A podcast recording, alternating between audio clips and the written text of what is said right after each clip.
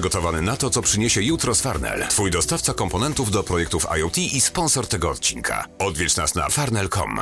Dzień dobry, witamy serdecznie w nadgryzionych 426, e, nagrywanych w piątek 14 lipca 2023. Ja jestem e, Wojtek Pietrusiewicz, a ze mną jest Tomasz. Cześć.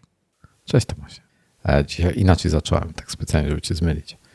E, Mam dzisiaj dla Was jak zwykle bardzo wiele tematów ciekawych. E, Będzie nawet klawiatura mechaniczna, e, za co wszyscy nas kochają, mnie szczególnie. Ale to jest nietypowa, to jest jedyna w Polsce, powiem tyle, jest jedyna w Polsce i to jest od dużej firmy klawiatura. Więc będzie ciekawie. Nie będę dużo gadał, ale poopowiadam o niej. Ale mamy trochę follow-upu na początek. Dzisiaj o, chciałeś porozmawiać o nietypowych kulinarnych trendach w Tajlandii. Y, Kiedyś w odcinku 405 była recenzja Burger Kinga z czekoladą Hershey'a. I tam były też frytki z Hershey'em. A więc to stwierdziłem, był, to skoro był Burger King, to. tak? Tak, tak. Okej. I stwierdziłem, skoro już była recenzja tego, to doniosę też o najnowszym dziele kulinarnym, które też się zaczęło. W, nie wiem, czy będzie na cały świat, ale zaczęło się w Tajlandii. I to jest znowu Burger King. I stworzyli coś, co nazwali prawdziwym, cheese, prawdziwym cheeseburgerem. E, The Real Cheeseburger. I to jest. E, trzeba to zobaczyć przede wszystkim. Kliknijcie sobie w link, bo to są. E, to jest bułka z 20 plasterkami sera, z niczym więcej. Bez mięsa, bez sosu, absolutnie nic więcej. Y, Sprzedaje się tak, że musieli wycofać sprzedaż internetową. Sprzedają już to tylko lokalnie, bo brakowało dla ludzi w, no, chcących kupić na miejscu. W sensie Jednocześnie- internetową, w sensie z dostawą, tak? Dostawą do domu. Tak, tak. Jednocześnie jest to podobno tak ohydne, ma tak beznadziejne recenzje i tutaj od razu mówię, nie będę tego recenzował, nie, nie zamówię tego nigdy w życiu, yy, więc tylko donoszę jako taka ciekawostka. Yy, Podobno po tak dwóch gryzach maksymalnie już się ma kompletnie dość. Niektórym się chce wymiotować. Yy, Ogólnie jest beznadziejne. Natomiast jest to tak niezwykła rzecz, no, że ludzie z ciekawości to kupują. I pewnie sam kilka lat temu też bym to kupił, także tylko żeby zobaczyć. Yy, oczywiście Nie, nie ogarniam, mimo szczerze, nazwy- nie ogarniam. mimo nazwy, że to jest prawdziwy cheeseburger, no to tam nie ma prawdziwego sera, bo to jest ten ser amerykański, który nie wiadomo tak naprawdę chyba czym do końca jest. Ser w Azji jest strasznie drogi, tak naprawdę ekstremalnie drogi i nawet jak się kupuje normalnego hamburgera, a się chce zmienić na cheeseburgera, no to cena rośnie o połowę, a oni tutaj za kilkanaście złotych sprzedają cheeseburgera z 20 kawałkami sera, więc y, no to będą jakieś śmieci. Widziałem, widziałem w Stanach reklamę sera i na dole gwiazdeczka zawiera, do, e, e, zawiera więcej niż 25% prawdziwego sera. Po prostu jak to zaczęło No, się, że patrzę. to- To myślę, że nawet 2,5% nie zawiera. No, tak może być. O Jezu, dobrze. Czy, Jeszcze, czyli, jeszcze, jeszcze tylko dodam, że New York Post o tym napisał razem z wyrywkami recenzji, więc y, zapraszam. Link w opisie. e, czyli generalnie dramat. No, myślę, że tak. A, a skąd ten pomysł, że w Tajlandii takie akcje robią? Wiesz coś więcej? Nie wiem, takie pole testowe dla dziwnych wynalazków kulinarnych. Ym, Tajowie tak naprawdę nie jedzą zbytnio takiego żarcia, więc to jest tym dziwniejsze. To bardziej dla obcokrajowców się wydaje. Yy, W ogóle fast foody w Azji wyglądają inaczej niż te w Europie. Jest dużo więcej takich lokalnych posiłków, yy, dań z ryżem i tak dalej. Ym, Więc nie wiem, nie mam pojęcia. No dobra, no okej, fajnie. Kurde, nie wiem, co powiedzieć, szczerze mówiąc. E, Rzuciłeś jeszcze e, o... e, Wiesz co? To jest trend, po, powiem tyle, bo rzuciłeś ten temat, powiedziałeś, że nie, nie ma sensu o tym gadać, ale, ale to jest fajny temat. O Apple Vision Pro, między innymi jest za, będzie Apple Vision Pro do kupienia za 39 tysięcy dolarów, bo będzie wykonany e, ramka urządzenia. Ja nie wiem, czy to będzie pozłacane, czy oni to nową ramkę wstawią, całą, która ze szczerego złota, nie mam pojęcia. E, I potem taka, taka maska spawalnicza, którą nakładasz sobie na tą część, na, na ekran. Możesz zasłonić sobie ten ekran, który pokazuje Twoje oczy. E, Co jest oczywiście genialnym wymysłem, tak, żeby zasłaniać ekran w ogóle i kamery, do- chociaż on może tam unika tych zasłaniania tych kamer, ale nie jestem do tego przekonany, bo tam na górze też gdzieś były kamery, z tego co pamiętam. E, Więc to jest debilizm, ale ktoś coś takiego robi i to będzie kosztowało 39 tysięcy dolarów. Złoto waży 1,5 kg, 3,3 funta, no czyli tam prawie idealnie 1,5 kg, więc chyba to jest prawdziwe złoto. Mm, no jest to pomysł absolutnie bez sensu, natomiast yy, będą tylko 24 sztuki, czyli to jest tak stricte kolekcjonerskie, nikt tego nie będzie używał. Zresztą sama waga właściwie uniemożliwia użytkowanie tego. Czy, y, czy... Podejrzewam, że nawet tego by nie można założyć na głowę bez tego paska górnego, bo po prostu by się sunęło Spadło, i byłby no. taki ból nie do wytrzymania. Tak. Ja tu dodam jeszcze, że ten górny, ten tylny pasek taki, co z, zabezpiecza całość na głowie oraz e, ten, ten e, jak to się nazywał, face, face shield? Face light shield? Light shield. E, czyli to, to mhm. co odcina twarz od światła, to taka, taka ten element e, materiałowo-gumowy, czy tam gąbkowy, który łączy e, headset z naszą twarzą, to on jest wykonany ze skórki z zewnątrz i ma taki wzór, który jest kopią Louis Vuittona kształt, tylko zamiast LV jest tam VR napisane. What the fuck? Nie mogę na tak, to ale... patrzeć nie zdziwiłbym się, gdyby to robił Louis Vuitton, mm, bo wątpię, żeby taką hamską podróbę zrobili. Y, natomiast tutaj nie ma takiej informacji.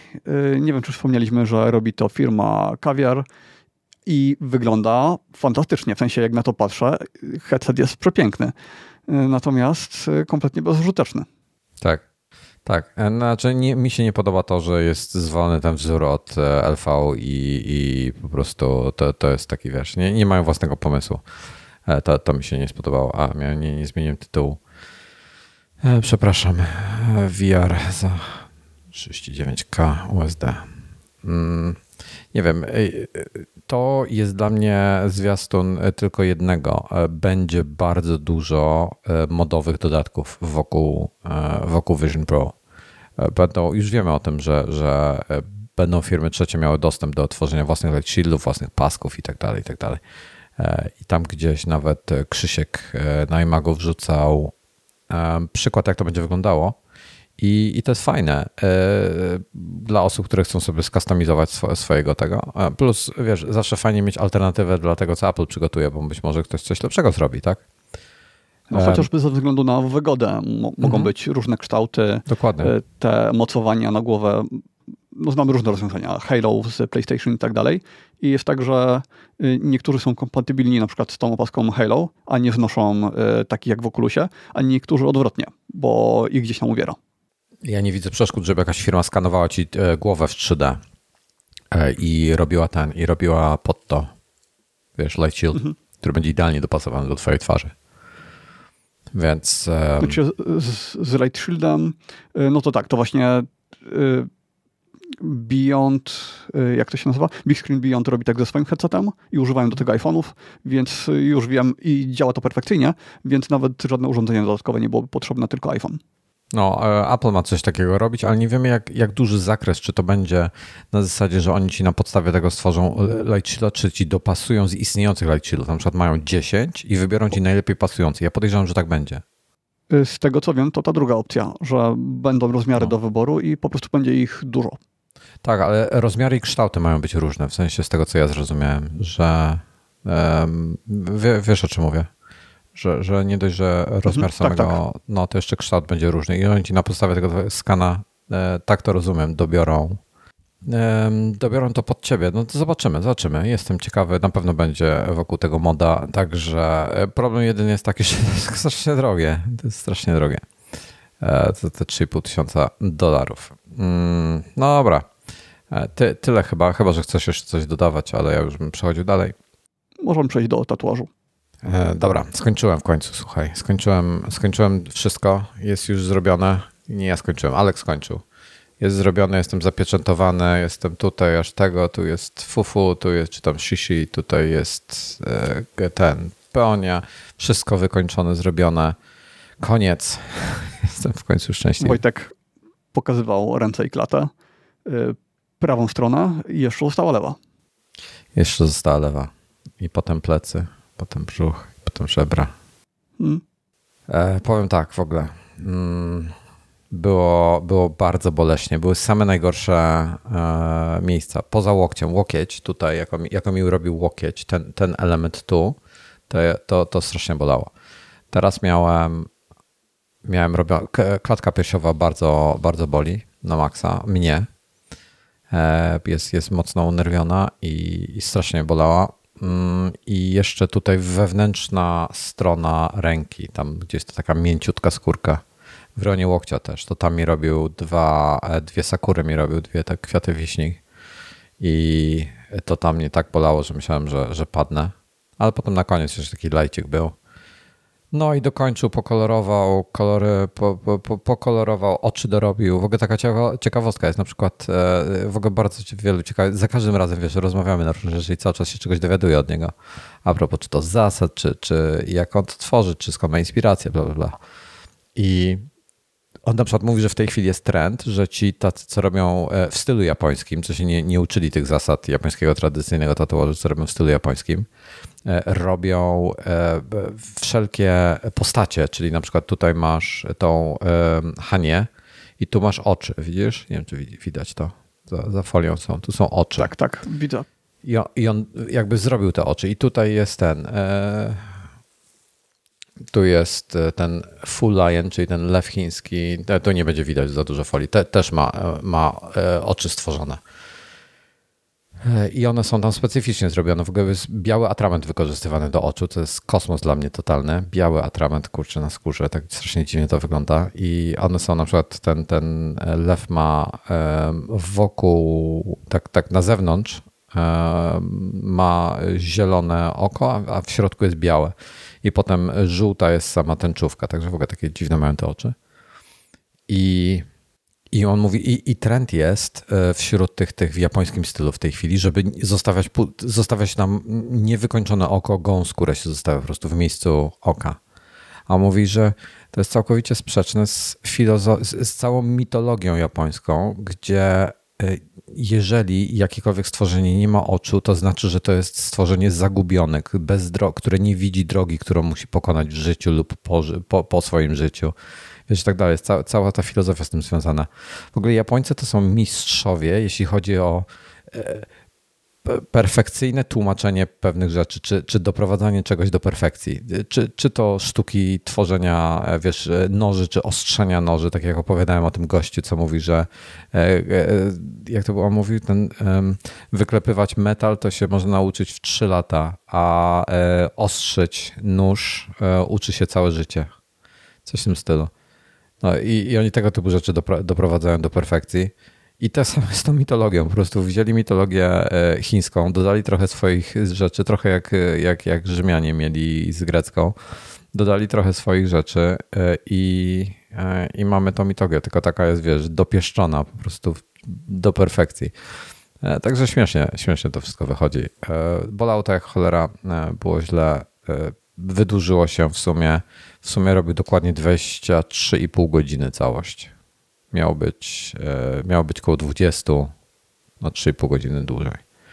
Ale skończył, jestem w październiku umówiony na, na lewą rękę, na pierwszą sesję lewej ręki. Pięć, pierwsza sesja 5 godzin, rysowanie i e, konturowanie. Przewidywany czas taki sam, tak? E, może będzie trochę szybciej, bo, bo a, to w ogóle rękawy są parą, zestawem one są ze sobą powiązane. Tutaj mam rybę, która, tą rybę, tę koi, która płynie do, w, w górę ręki, tak? Tutaj musi płynąć w dół. E, skoro jest shishi, te shishi wyglądają, e, one, one są zawsze parą, czyli kobieta i mężczyzna, wyglądają tak samo, e, bo to są lwy.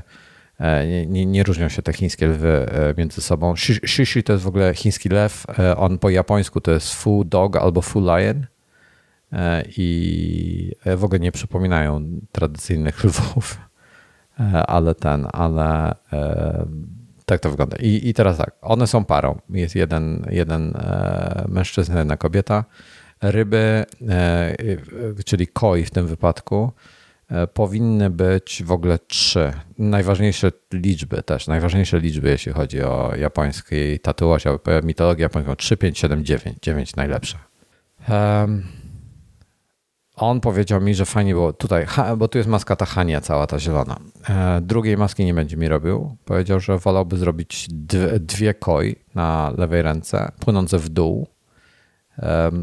Kolory w ogóle istotne. E, czerwona symbolizuje, czerwona koi symbolizuje kobiecość. E, czarna męskość, więc z lewej strony będzie teraz czarna i druga, i ta druga nie wiem jeszcze jaka będzie. Zobaczymy. To on pewnie zdecyduje. E, także będzie dużo więcej czarnego na lewej ręce. E, będzie dużo ciemniej. Też będą sakury oczywiście. No i na górze będzie ten shishi i na klatce też będzie kwiat peoni, bo to e, kwiat peoni zawsze idzie w parze z shishi. Bo są królewskie lwy, królewskie kwiaty. To one zawsze w parze idą. No i tyle. No i mam nadzieję, że gdzieś do lutego czy coś, tak, tak licząc z przerwą na jakieś święta i tak dalej, tak do, do lutego może się uda to wszystko dokończyć.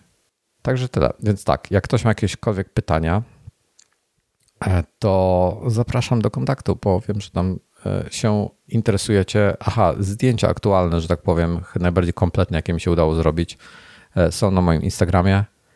Tam je sobie znajdziecie małpa, małpa Moridin.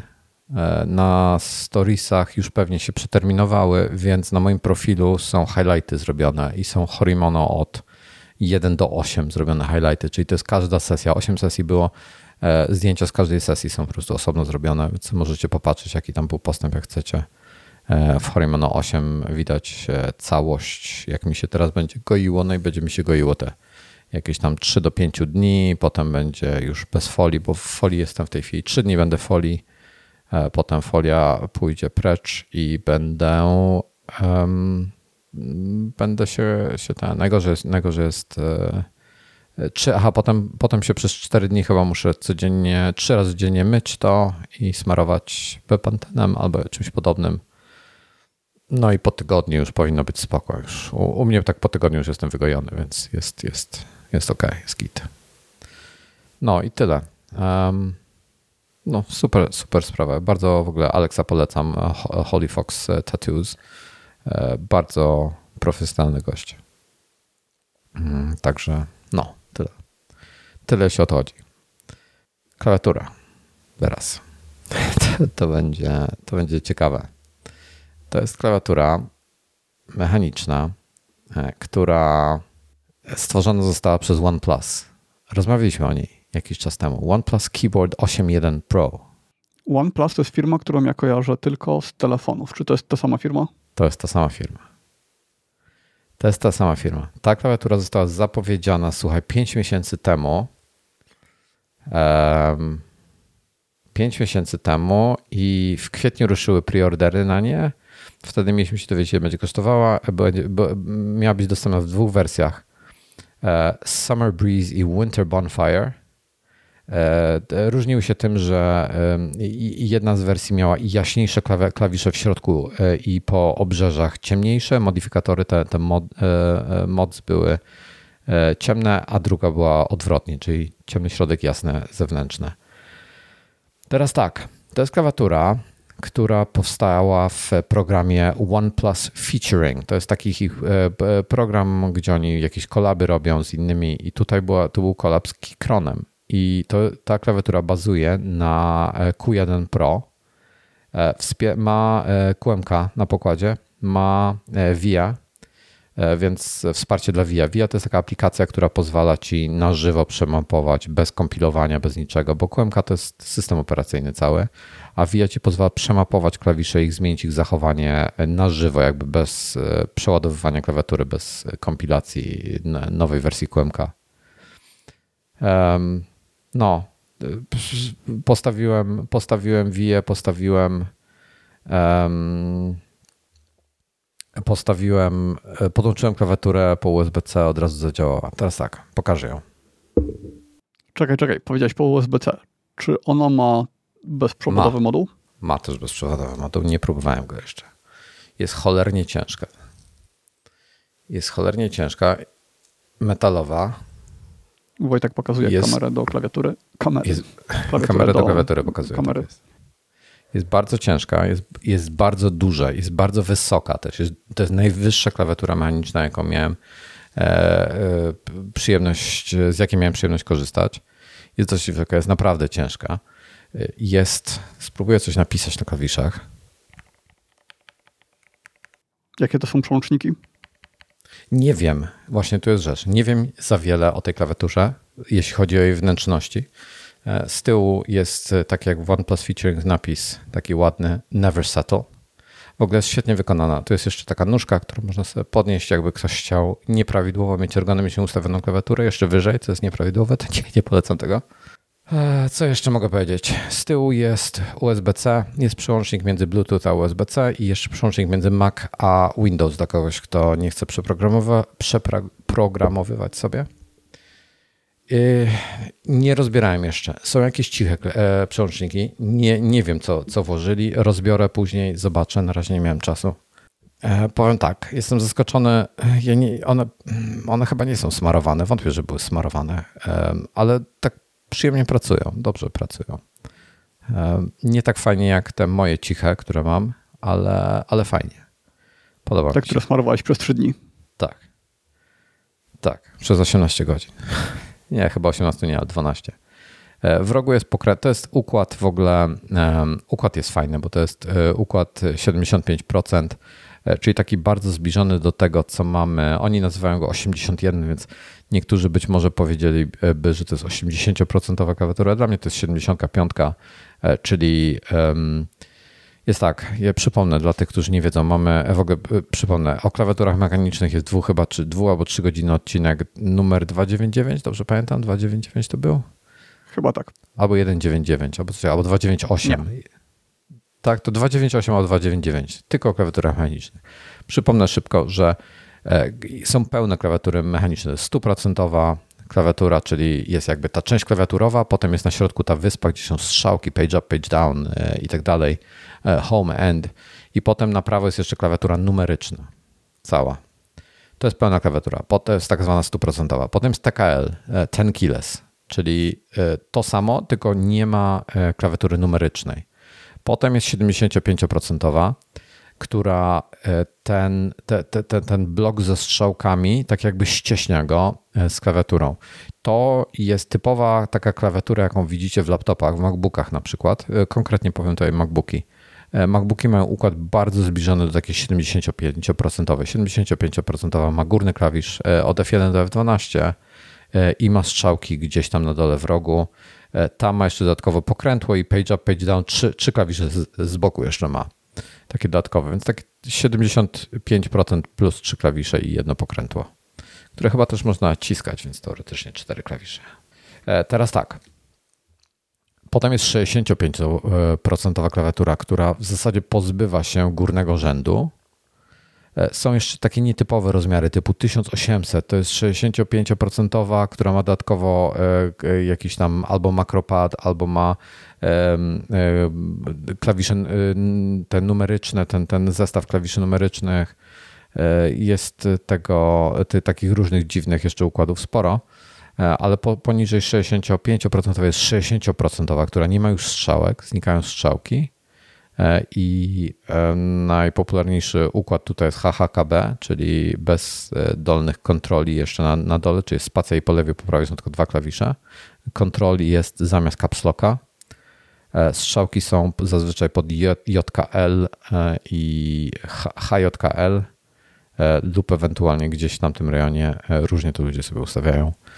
E, I, I co? I tyle w zasadzie, jeśli chodzi o to. Potem już wchodzimy w temat 50-400% bardzo niszowych klawiatur. 400% e, to jest mniej więcej taki układ, jak macie w iPhone'ie e, czy w innym smartfonie. No, także i mówię. Cena, miałem... bo nie wiem, czy powiedziałeś. A, dobra, to ja powiem tak, nie mam pojęcia, ile kosztuje, bo ona jest w Polsce niedostępna.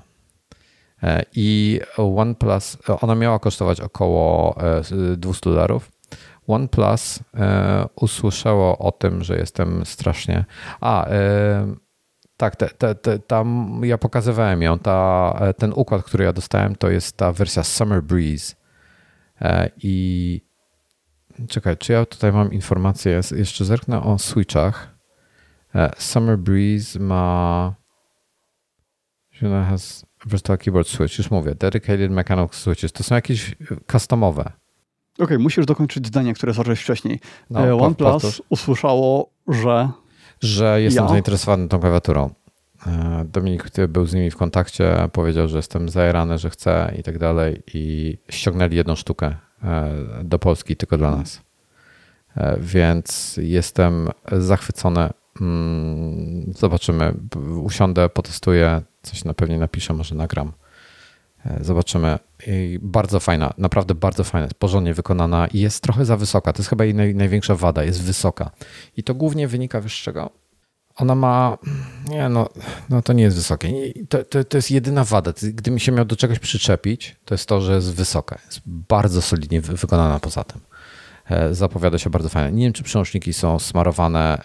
e, Ewentualnie chciałbym ją posłuchać na przesmarowanych. Może wyjmę jednego, może nasmaruję, to sobie będę mógł usłyszeć. E, Ale bardzo, bardzo fajna klawiatura. Jestem, Dobra, jestem pokrętło. zaskoczony. tam w prawym górnym rogu jest jakiś potencjomat. Jest, E, jest. To jest pokrętło, które można e, też naciskać, czyli też służy jako przycisk.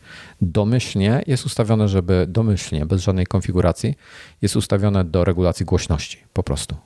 I to się przesuwa tak płynnie czy skokowo? Em, nie, nie jest, znaczy płynnie, w sensie od lewej do prawej, ale czujesz jakby są ząbki. Czyli to nie Mhm. jest Tak, tak, super mi takie tego, tylko są ząbki, tak jakby czujesz skok. Natomiast nie ma e, ograniczników, e, czyli, czyli nieskończenie, Mhm. możesz kręcić tylko w lewo, nieskończenie w prawo. Czyli idealnie. Tak. Tak, bardzo fajnie. E, Szczerze, nigdy nie sądziłem wiele klawiatur w, moim życiu. Ominąłem, bo ludzie chcieli kupować jakieś były grubbaje z pokrętłami właśnie z, z, z tego typu. I mnie to nigdy nie interesowało, bo po co mi ten, to pokrętło? I powiem ci, że użyłem dwa razy, żeby zmienić głośność i e, to jest genialne. Już rozumiem. Ja wiem, że przyciskiem jest równie łatwo, ale to jest to. To jest, to jest fajna rzecz. Natomiast No właśnie, można to wykorzystać do wielu innych rzeczy. No tak, tak, właśnie o, o to mi chodzi, że y, masz Final Cut'a, robisz y, color grading czy cokolwiek, tam chcesz sobie po, poruszać suwakami z jasności, z kolorów i tak dalej, no to to się wydaje wtedy dużo lepsze niż przyciski, Mhm. bo czasami chcesz to zrobić błyskawicznie, tak, y, wiesz, że masz dużą korektę do zrobienia, czy na, na przykład w Lightroomie, no a czasami ta korekta jest minimalna, no to takim pokrętłem błyskawicznie możesz wtedy chyba przeskoczyć na przykład o 20 stopni. Po prostu robisz mocniejszy ruch i tyle. Ja bym chyba używał to, wiesz do czego? Nie wiem, czy dałoby się tak skonfigurować, ale to byłoby dla mnie najfajniejsze. E, Na Final Cutie, żeby przesuwać timeline lewo-prawo. Wiesz? Mhm. To byłoby chyba dla mnie optymalne wykorzystanie, bo to jest coś, co najczęściej robię. Robię to albo pokrętłem na myszce, albo paluchami na trackpadzie, ostatnio na trackpadzie i to byłoby fajne, żeby mieć pokrętło do tego.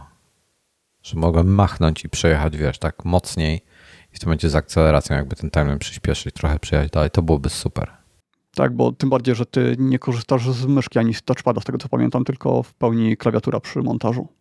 Klawiatura, no tra- trackpadem właśnie przesuwam, e, przesuwam mm, e, timeline, więc jakbym miał pokrętu do tego, to byłoby rewelacyjnie.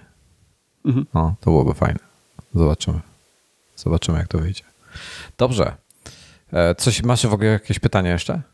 Mm, Zastanawiam się, jak bardzo ona się różni od tego Keychrona. Y, Czy to jest tylko kwestia designu, czy coś jeszcze? Czy masz informacje na ten temat? E, Nie mam konkretnych informacji. Czekaj, ja, ja wiesz co, ja we, wezmę tak, widzę ją tutaj, wezmę na tego Kikrona, popatrzę.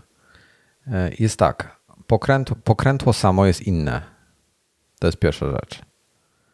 E, Dwa, czekaj, zaraz zobaczymy. Zaraz zobaczymy. Nie, nie, ma, nie ma żadnych zdjęć tego Kikrona. O, tutaj jest jakieś z boku. E, Po pierwsze, Keychron jest dostarczony w ogóle z innymi przełącznikami, tu z tego co widzę, to są jakieś SA zrobione. Ja bardzo nie lubię tego układu SA, to są bardzo wysokie klawisze. E, tak, to są wszystko SA.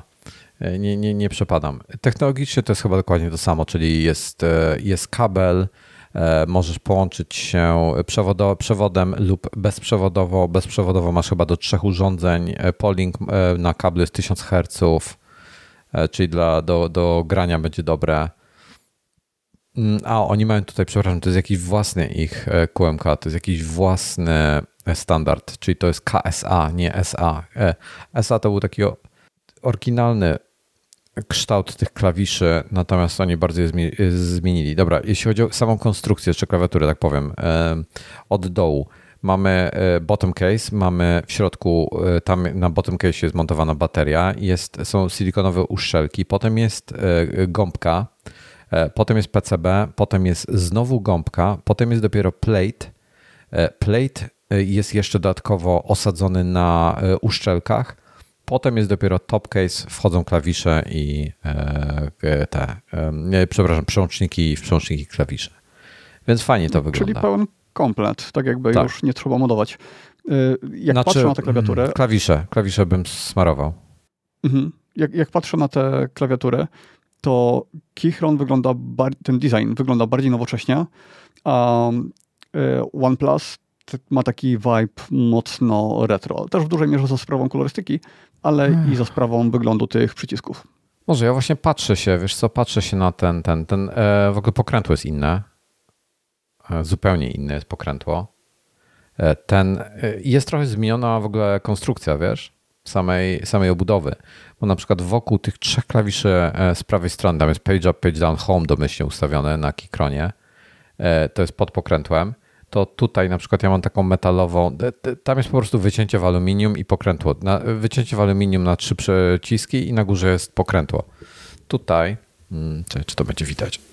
Tutaj o, ograniczone ruchy przez tą folię. Tutaj jest, kurde, tego nie będzie widać. Wokół tych trzech przycisków widzisz jest taka, czekaj, jak wceluję, jest taka aluminium, metalowa polerowana jakby ramka, widzisz? Tak, tak. No to tego nie ma w tamtym. Ogólnie rzecz biorąc, ta klawiatura na podstawie zdjęć, nie, nie widząc Keychronaku jeden na żywo, e, ta sprawia lepsze wrażenie. Jest tak jakby tamto jest Q1 Pro, to jest jakby Pro wersja tamtej. Jeszcze Q1, mhm. o, o, Max, o, mamy, mamy prostą nazwę. To jest Q1 Max, tam to jest Q1 Pro, to jest Q1 Max. Taki trochę lepszy. Tutaj trochę dopieszczony, tu trochę dopieszczony. E, wokół są takie akcenty jeszcze na ramce, których nie ma w oryginale. E, jest trochę zmieniona konstrukcja. To na tyle, że to nawet podejrzewam, że sporo roboty przy tym było. E, bardziej no, mi się klawisze te, te podobają. Akcenty, te akcenty chromowe sprawiają, że wygląda trochę bardziej premium i ta stopka, która, no, której się nie powinno używać, mhm. ale ona mi się podoba z wyglądu. I ona ładnie wygląda. Tak, nie ma jej. Mhm. Ona ładnie wygląda. E, tak nawet jak jest złożona. Keychron daje trzy, trzy, różne przełączniki, albo czerwone, brązowe, albo banana, czyli te są żółte. E, takie podobne do, do tych gateronów e, czerwonych, brązowych i, i, i żółtych, jeśli chodzi o e, specyfikacje. Nie wiem, jakie są stabilizatory.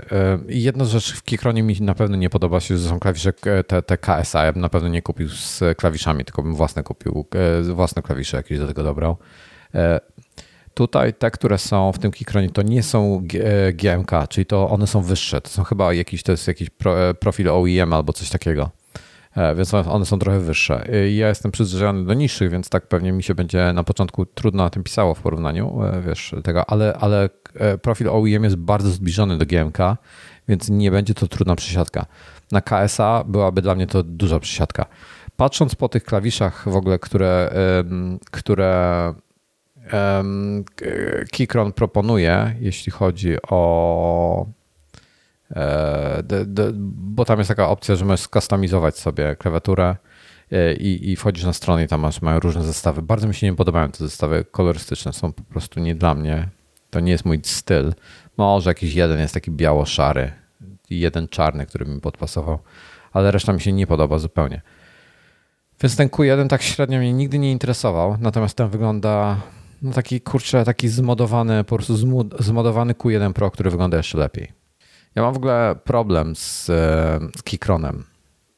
Problem z Keychronem mam takim, że dobra, te, te, ja tak się tak szybko przelecę, nie, nie po wszystkim. Kurczę, sobie zawiesiła mi się strona. Ich. Tylko nie mów o ich ofercie, że tam się nie da połapać w tym, co jest czym, czym one się od ciebie różnią, bo to już mamy omówione. Tak. Y, mają to, to fatalną to. stronę. No co, o tym już gadaliśmy kiedyś. Ja jakbym no. chciał teraz kupić klawiaturę, jak ja kupowałem Kichrona pierwszego, to mieli dosłownie tam chyba cztery klawiatury. Jak kupowałem tak. drugiego, mieli może osiem. W tej chwili jest ich tyle i mają tak zbliżone nazwy do siebie, że nie mam pojęcia, czym się niektóre od siebie różnią. Po prostu nie wiedziałbym, co wybrać i nie ma, brakuje mi też bardzo jakichś tabel, które by czarno na białym przedstawiały te różnice. Tak, tym bardziej, że teraz nowa seria w ogóle doszła. Mieli serię tą zwykłą, serię Pro, teraz jest seria Plus, słuchaj jeszcze. E... Okej, okay, ale to już o tym nie mówmy. Po prostu jest, jest źle. Tak. E, w każdym razie e, nie, nie wiem, wiesz, ciężko mi było. Gdybym miał Q1 Pro, to bym mógł takie konkretne porównanie zrobić, natomiast bardzo mi się podoba, w sensie jakość wykonania tego jest, jest naprawdę fajna. E, I jestem, jestem zachwycony, nie pisałem jeszcze, jestem zachwycony tym, że to jest klawiatura taka, wiesz, nie customowa, która sprawia wrażenie prawie takiej customowej jeśli chodzi o jakość mhm. wykonania, wagę, ten feeling taki jest specyficzny. To nie, to nie jest nic takiego namacalnego, to jest takie, masz uczucie. Sprawia bardzo dobre wrażenie. E, jest to takie, wiesz, 95% czy 90% powiedzmy drogi do customowej klawiatury. Naprawdę, za podejrzewam rozsądne pieniądze, nie pamiętam ile tam kosztowało, to 200 dolarów. E, tak, ze 199. No, to to jest e, trzy razy taniej niż customowa klawiatura. W tej chwili pewnie, pewnie jest 4 czy 5 razy taniej. E, także no, bardzo, bardzo porządna rzecz.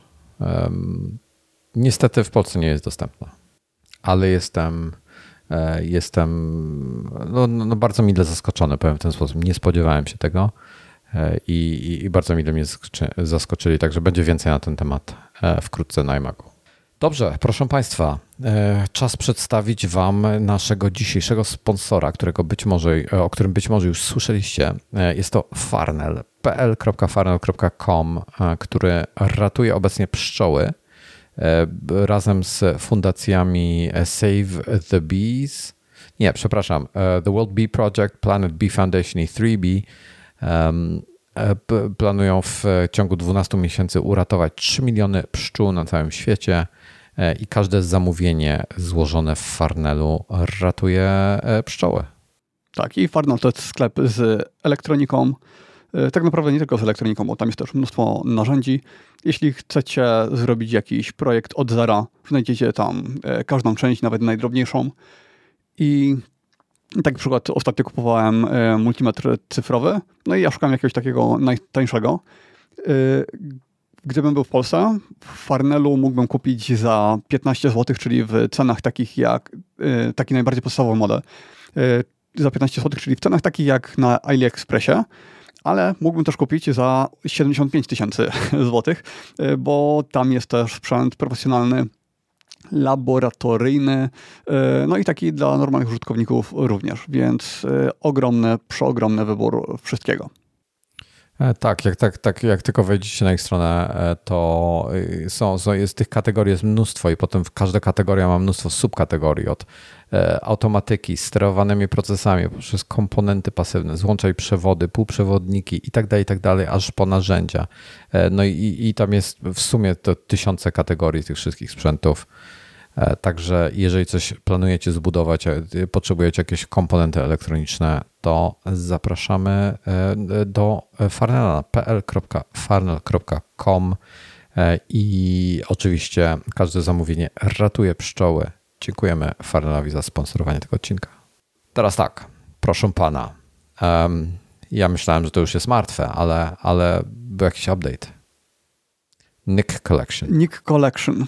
E, Nick Collection to jest zestaw narzędzi do zdjęć, wtyczek do Photoshopa. Ja tego używam głównie jako wtyczki do Photoshopa, ale niektórzy tego używają jako osobnych programów albo jako e, wtyczek do Lightrooma. I Y, historia z Nick Collection jest jak telenowela, więc nie będę tego przytaczał, ale w skrócie, kiedyś to były narzędzia bardzo drogie. Pakiet kosztował około 4000 zł. Później Google, Google to przejęło, wzięli technologię, narzędzia udostępnili za darmo, ale przestali rozwijać. I później, bodajże DxO y, znowu to przejęło, wprowadzili opłatę, ale dużo, dużo mniejszą, bo tam około 150 dolarów i zaczęli to rozwijać. Natomiast ten rozwój był e, tragiczny, był, był fatalny. To znaczy, w pewnym momencie wydali e, nową wersję programu, który ja najbardziej polecałem, czyli Viveza, bo to się kupuje pakiet i tam jest kilka aplikacji. I są dwie takie mega ultra przydatne. Takie, bez których nie potrafiłbym e, funkcjonować w Photoshopie. Jedna to jest Viveza, druga to jest Silver FX. No i Viveza to jest takie nakładanie punktów kontrolnych na zdjęcie i lokalne korekty, przyciemnianie, rozjaśnianie i tak dalej. No i dzięki temu dosłownie w moment można tam pozmieniać na zdjęciu mnóstwo rzeczy bez nakładania masek, bez, no po prostu w moment. Y, a Silver FX jest do konwersji zdjęć na czarno-białe, ale takie czarno-białe, które wyglądają, mogą wyglądać właściwie jak same, mogą wyglądać jak z analoga, mogą mieć szum, y, nie szum, y, ziarno z konkretnego filmu, tam tych filmów jest dużo do wyboru. No, też super przydatne, super szybkie. I Silver FX przez cały czas był w miarę fajny, ale Viveze skopali tak doszczętnie w roku, no nie wiem, kilka lat temu. I od tamtej pory ja przy każdym update'ie testowałem wersje testowe, w sensie triale takie miesięczne i za każdym razem później albo nagrywałem film, albo pisałem gdzieś y, w social mediach, żeby tego nie kupować, bo, bo jest skopane. Y, było powolne, usunęli bardzo ważną funkcję, taką, która umożliwiała, że jak się dawało punkty kontrolne, to tam od razu były te wszystkie suwaki. Po prostu to zlikwidowali tak jakby ci programiści, ci, którzy to tworzą, nigdy w życiu nic tego programu nie używali. No i dopiero teraz po nie wiem ilu latach, od kiedy DX o to przejęło, y, wyszedł update, który ma wersję, mm, ma oznaczenie 6, Nick Collection 6 i to jest pierwszy update, wydaje mi się, że od kilkunastu lat, od, na pewno od kiedy ja używam Nick Collection, a używam go od, kilku, od około 12 lat, y, to to jest pierwszy update, który wprowadza zmiany, y, które mnie cieszą i faktycznie, które mają dla mnie jakiś pozytywny wpływ w to, w to, jak obrabiam te zdjęcia, bo wcześniej, jak już coś zmieniali, to to były takie drobiazgi typu dodanie nowych presetów, y, no albo jak zrobili update całego programu, to go zepsuli, a teraz w końcu jest wersja, w której przywrócili wszystko, co zepsuli, y, która działa super szybko, no i która jest kompatybilna w pełni z Macami na procesorach M. Akurat kompatybilność jest od wersji 4.2, czyli od kilku lat. Natomiast ta wersja 4.2 to była już ta skopana, więc jak ktoś chciał mieć e, fajną Vivezę, to, e, no, to nie mógł na Macu, bo musiał instalować starą i wtedy by korzystał z Photoshopa całego przez Rosetę, czyli no, nikt tak nie robił, bo to spowolniłoby go kilkukrotnie. No albo musiał zainstalować tą nową wersję, która była dużo gorsza. Yy, dlatego no, ja przez większość czasu wtedy akurat miałem Windowsa, więc yy, ominęło mnie ominęła mnie ta drama z Nick Collection w dużej mierze, no ale jak wróciłem do Maca i chciałem też na nim obrabiać zdjęcia, no to był problem i y, dużo zdjęć y, przerzucałem sobie na Windowsa, porobiłem korekty i wracałem później na Maca z powrotem, bo aż tak mnie irytowała ta Viveza w tych ostatnich wersjach. No i teraz jest perfekcyjnie, jest po prostu wszystko tak jak ma, tak jak powinno działać, tak działa więc bardzo polecam sobie sprawdzić. Jest wersja testowa za darmo. E, napisałem krótki wpis e, na blogu na ten temat, gdzie wrzuciłem trochę zdjęć, e, pokazałem jak te programy teraz wyglądają, no i tak skrótowo opisałem wszystko.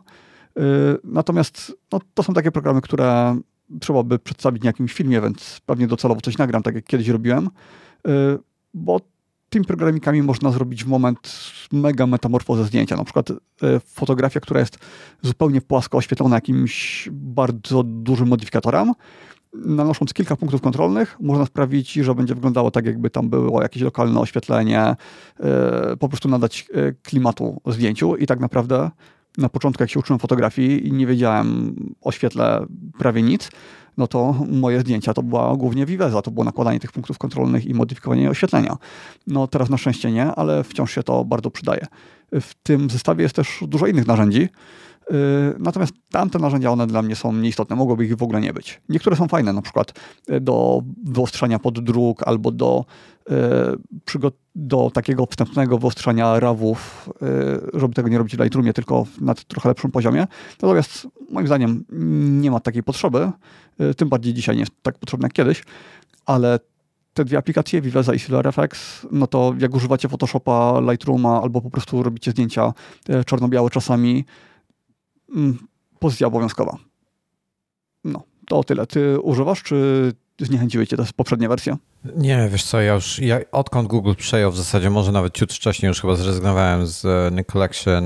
E, bardzo lubiłem Silver Effects, to był mój ulubiony. Viveza mniej, nie, nie starałem się unikać tych punktów, wiesz, Vivezy. E, przez Przy tych zdjęciach, co ty robisz, to chyba nie ma właściwie no. potrzeby, nie? Bo ty Czasami robisz tam samochody, gdzieś... zdjęcia pamiątkowe i tak dalej. Ta, czasami się gdzieś tam przydawało do, do jakichś tam rzeczy, ale, ale rzadko i nie ten, nie, nie, nie, nie było to coś, co, co często potrzebowałem. Także Viveza jakoś tam wyleciała ode mnie całkowicie.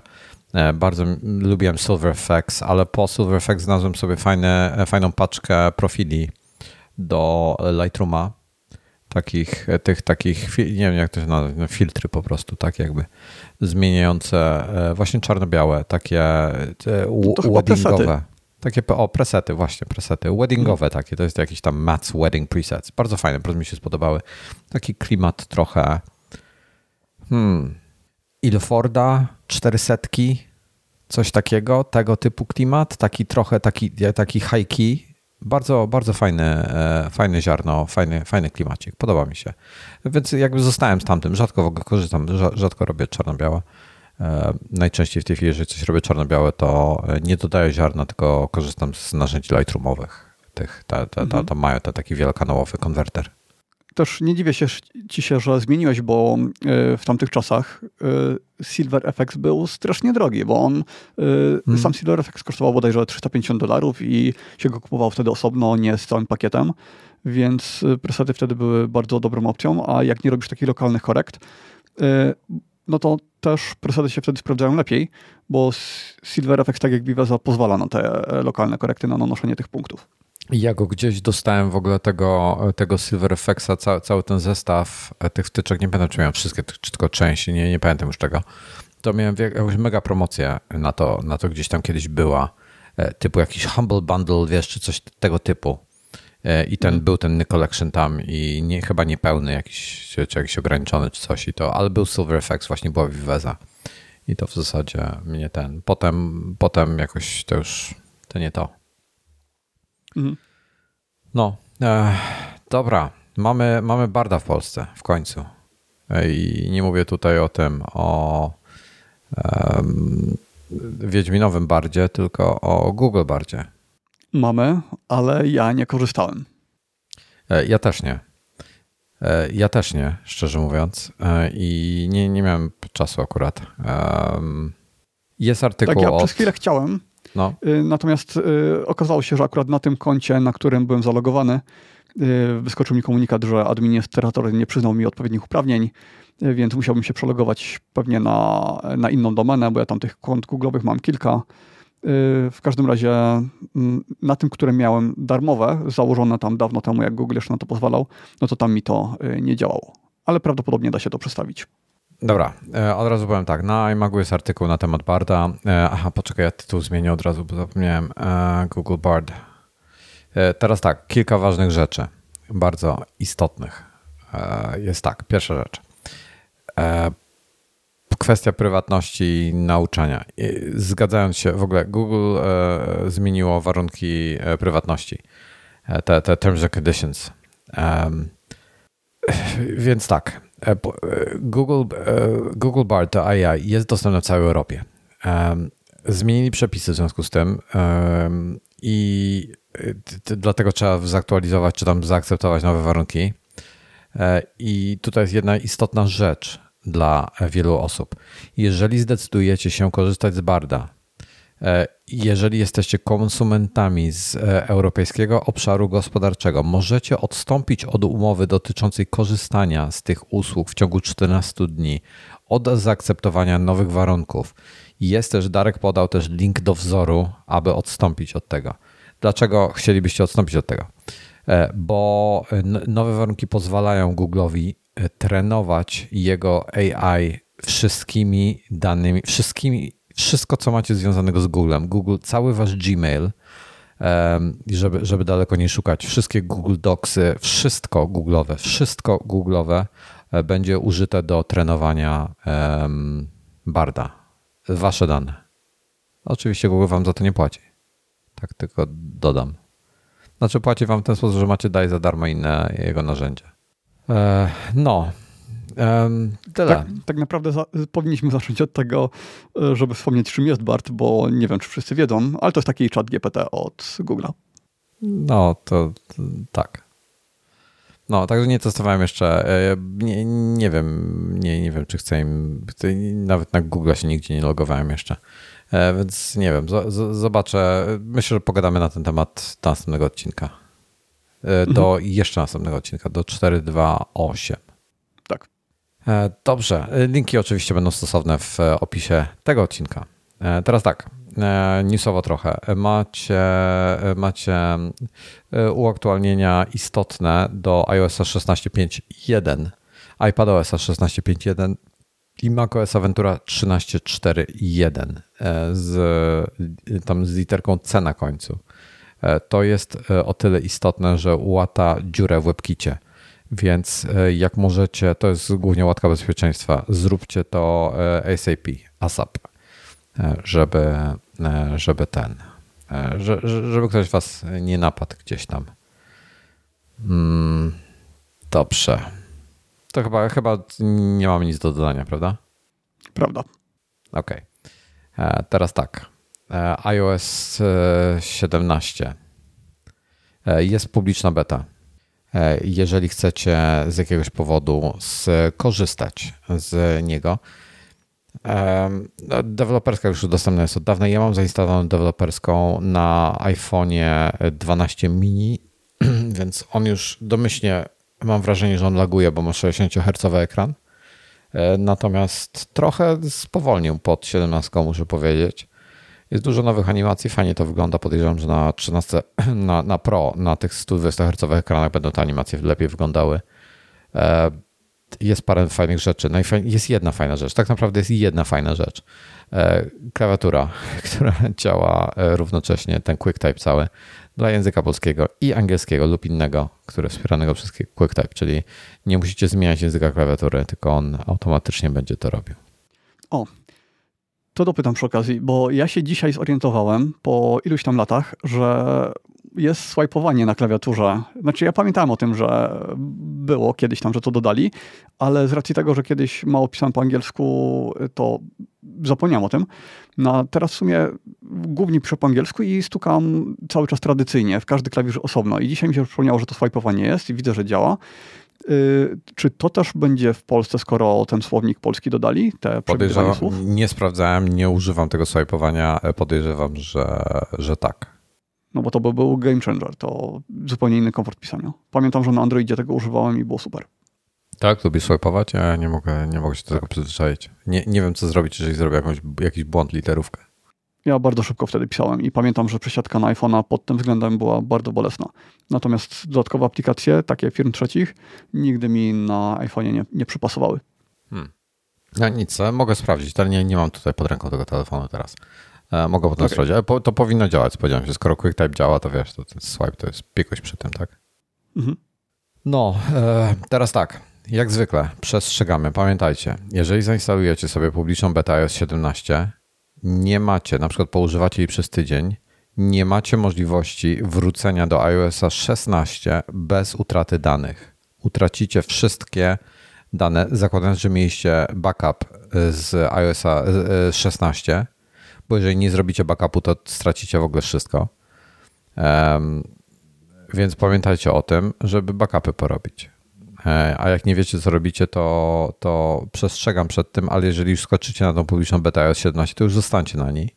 E, będzie wam łatwiej, bo jak już zaczniecie kombinować z wracaniem i tak dalej, będzie, będzie utrata danych. Pamiętam, z dwie wersje iOS-a temu właśnie ktoś się do mnie odesłał na Twitterze i mówi, e, że zrobił update do tego, już dwa tygodnie siedzi na tej becie, ale połowa aplikacji mu nie działa i, i co on ma zrobić w takiej sytuacji? Ja się pytam, a masz jakiś backup? No nie mam.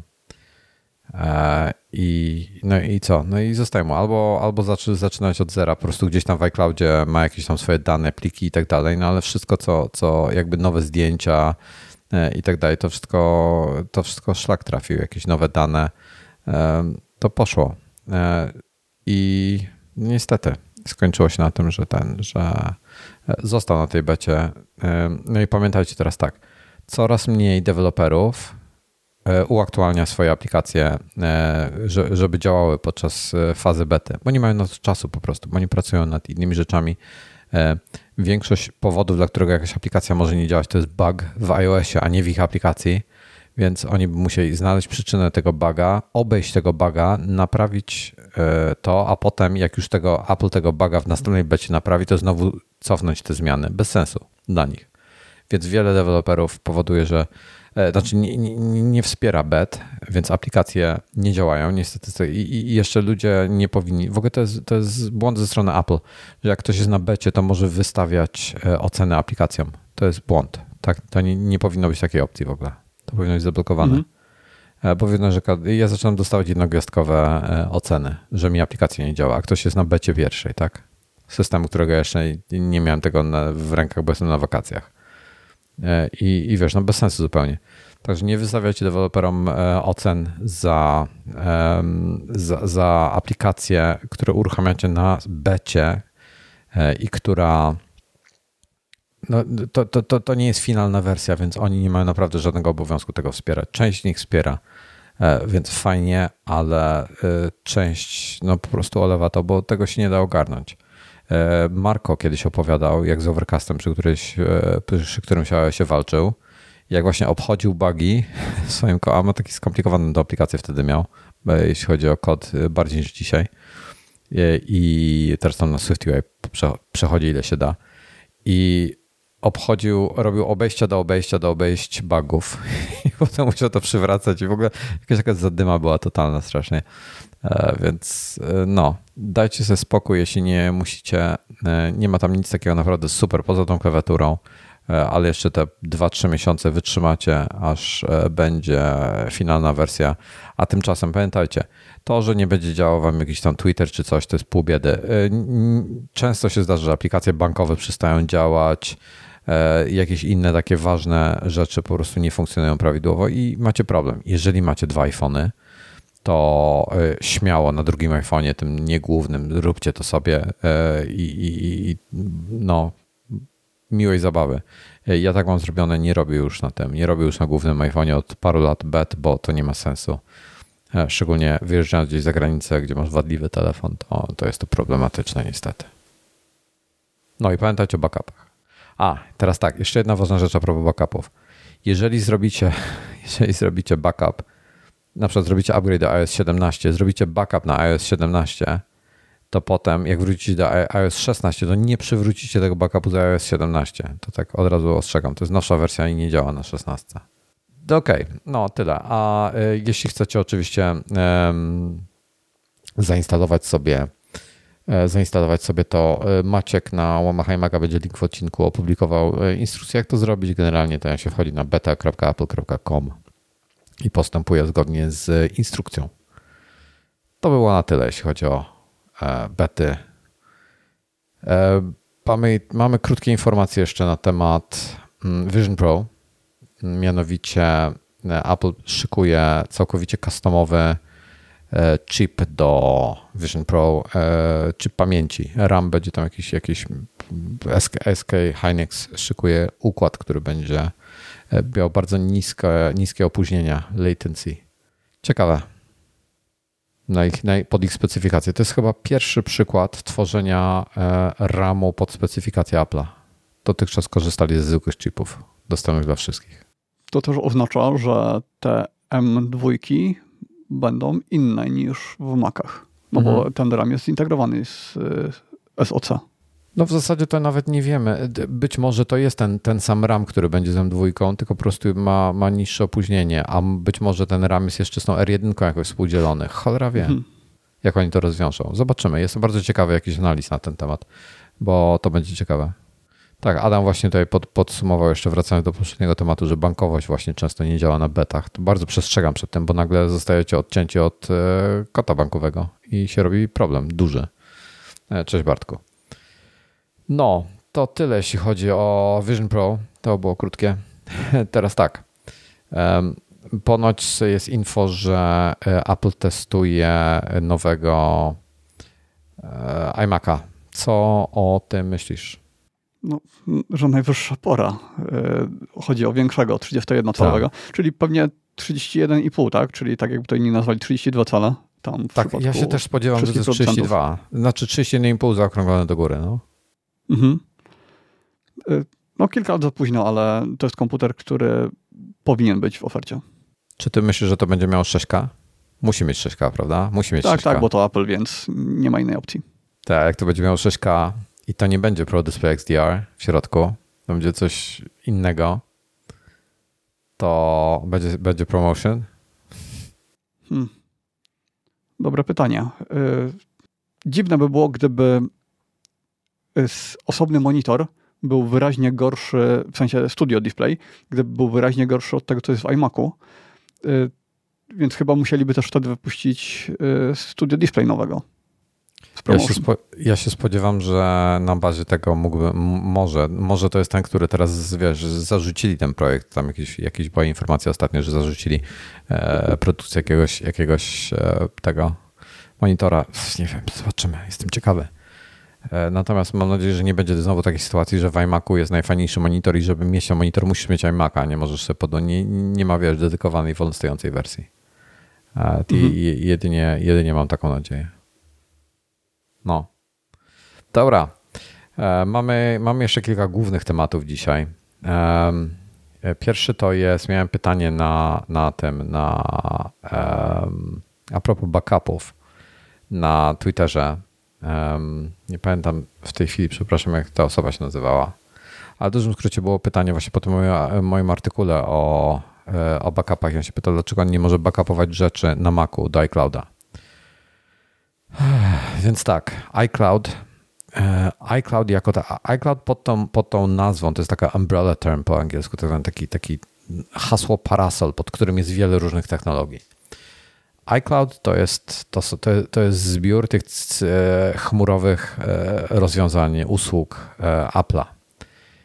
W tej cenie masz, jak, jak masz wykupionego iClouda, masz iCloud Backup. iCloud Backup dotyczy tylko i wyłącznie dwóch urządzeń, dwóch kategorii urządzeń. To są iPhony i iPady, gdzie jest robiony pełny backup wszystkich ustawień, pełnej konfiguracji do iClouda Reszta rzeczy, reszta informacji jest przetrzymywanych w iCloudzie e, osobno, czyli konkretnie na przykład notatki są przetrzymywane w iCloud Notes, mail w iCloud Mail i tak dalej.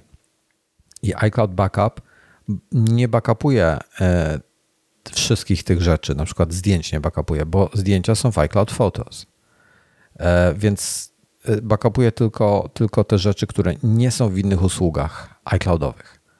E, I takie, takie, i w ogóle bardzo polecam tego typu backup. To jest idealny klon waszego iPada albo iPhone'a. Więc jeżeli cokolwiek się stanie z tym telefonem, zostanie zniszczony, ukradziony, wpadnie wam do rzeki, e, wpadnie wam gdzieś, nie, nie wiem, zostanie w jakiś sposób zniszczony, czy, czy przestanie działać, to możecie pójść sobie do sklepu, kupić sobie nowego iPhone'a, i w ciągu godziny jesteście gotowi i, i, działacie znowu. Macie, macie przywrócony. Potrzebujecie tylko e, dostęp do swojego konta, w sensie hasło e, oraz e, co? Oraz jeszcze internet i to wszystko. I możecie, no i oczywiście kartę SIM, jeżeli mieliście kartę SIM, która też uległa destrukcji, to musicie o nową wystąpić do operatora, czy to będzie eSIM, czy zwykły SIM. I, i działacie dalej iCloud Backup jest w tym momencie pełnym klonem waszego iPhone'a i to jest super sprawa. W przypadku Maca tak nie jest. iCloud w przypadku Maca e, to jest głównie iCloud Drive, czyli to jest dysk, dysk sieciowy. E, ten dysk sieciowy iCloud Drive to jest niczym, to, to, to jest po prostu e, od strony, to ok, to jest dysk w chmurze, ale w zasadzie jest to dysk twardy, który gdzieś tam, czy, czy, czy pamięć flash, obojętnie. To jest po prostu inna lokalizacja danych, na którym e, e, miejsca, na których możecie trzymać swoje dane. W tym wypadku to jest w chmurze i się synchronizuje z innymi waszymi Macami, czy iPhone'ami, czy iPadami przez aplikację pliki na nich, ale to nie jest backup. Tak, tam jest po skasowaniu możliwość przywrócenia pliku tam do 30 dni, ale to nie jest nadal, to nie jest backup. To jest po prostu inny dysk, gdzie trzymacie swoje pliki.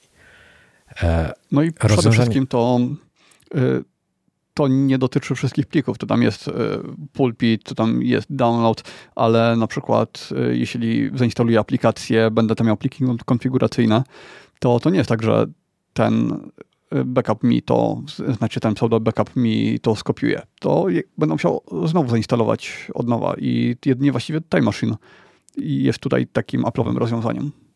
Jedyne Apple'owe rozwiązanie na backup to jest, tak jak Thomas mówi, Time Machine. I, I to nie jest wystarczające. To jest Time Machine jest dobrym pierwszym backupem, pierwszej potrzeby, ale powinniście jeszcze robić klony dysków przez Super Duper albo Carbon Copy Cloner e, i najlepiej jeszcze mieć chmurowe rozwiązanie e, backupowe, czyli coś w stylu, jak to się nazywało? Backblaze.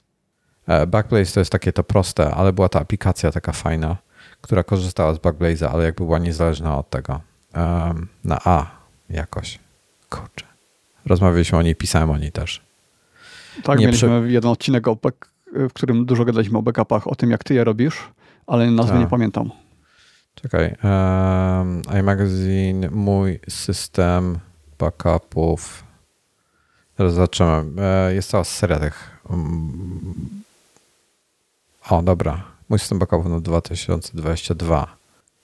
Gdzie to było? To była taka fajna, bo Time Machine to jest jakby podstawa. Um, jak to się nazywało? Kurczę, bardzo no, przepraszam, że się Dla mnie Time Machine to jest głównie narzędzie do tego, że jak usunę plik, albo inaczej, wyedytuję coś, na przykład na, na zdjęciu i chciałbym się cofnąć do zmian, które zrobiłem kilka godzin temu, bo na przykład nie mam warstwy czy cokolwiek takiego, to żebym w ten sposób szybko mógł sobie ten plik przywrócić.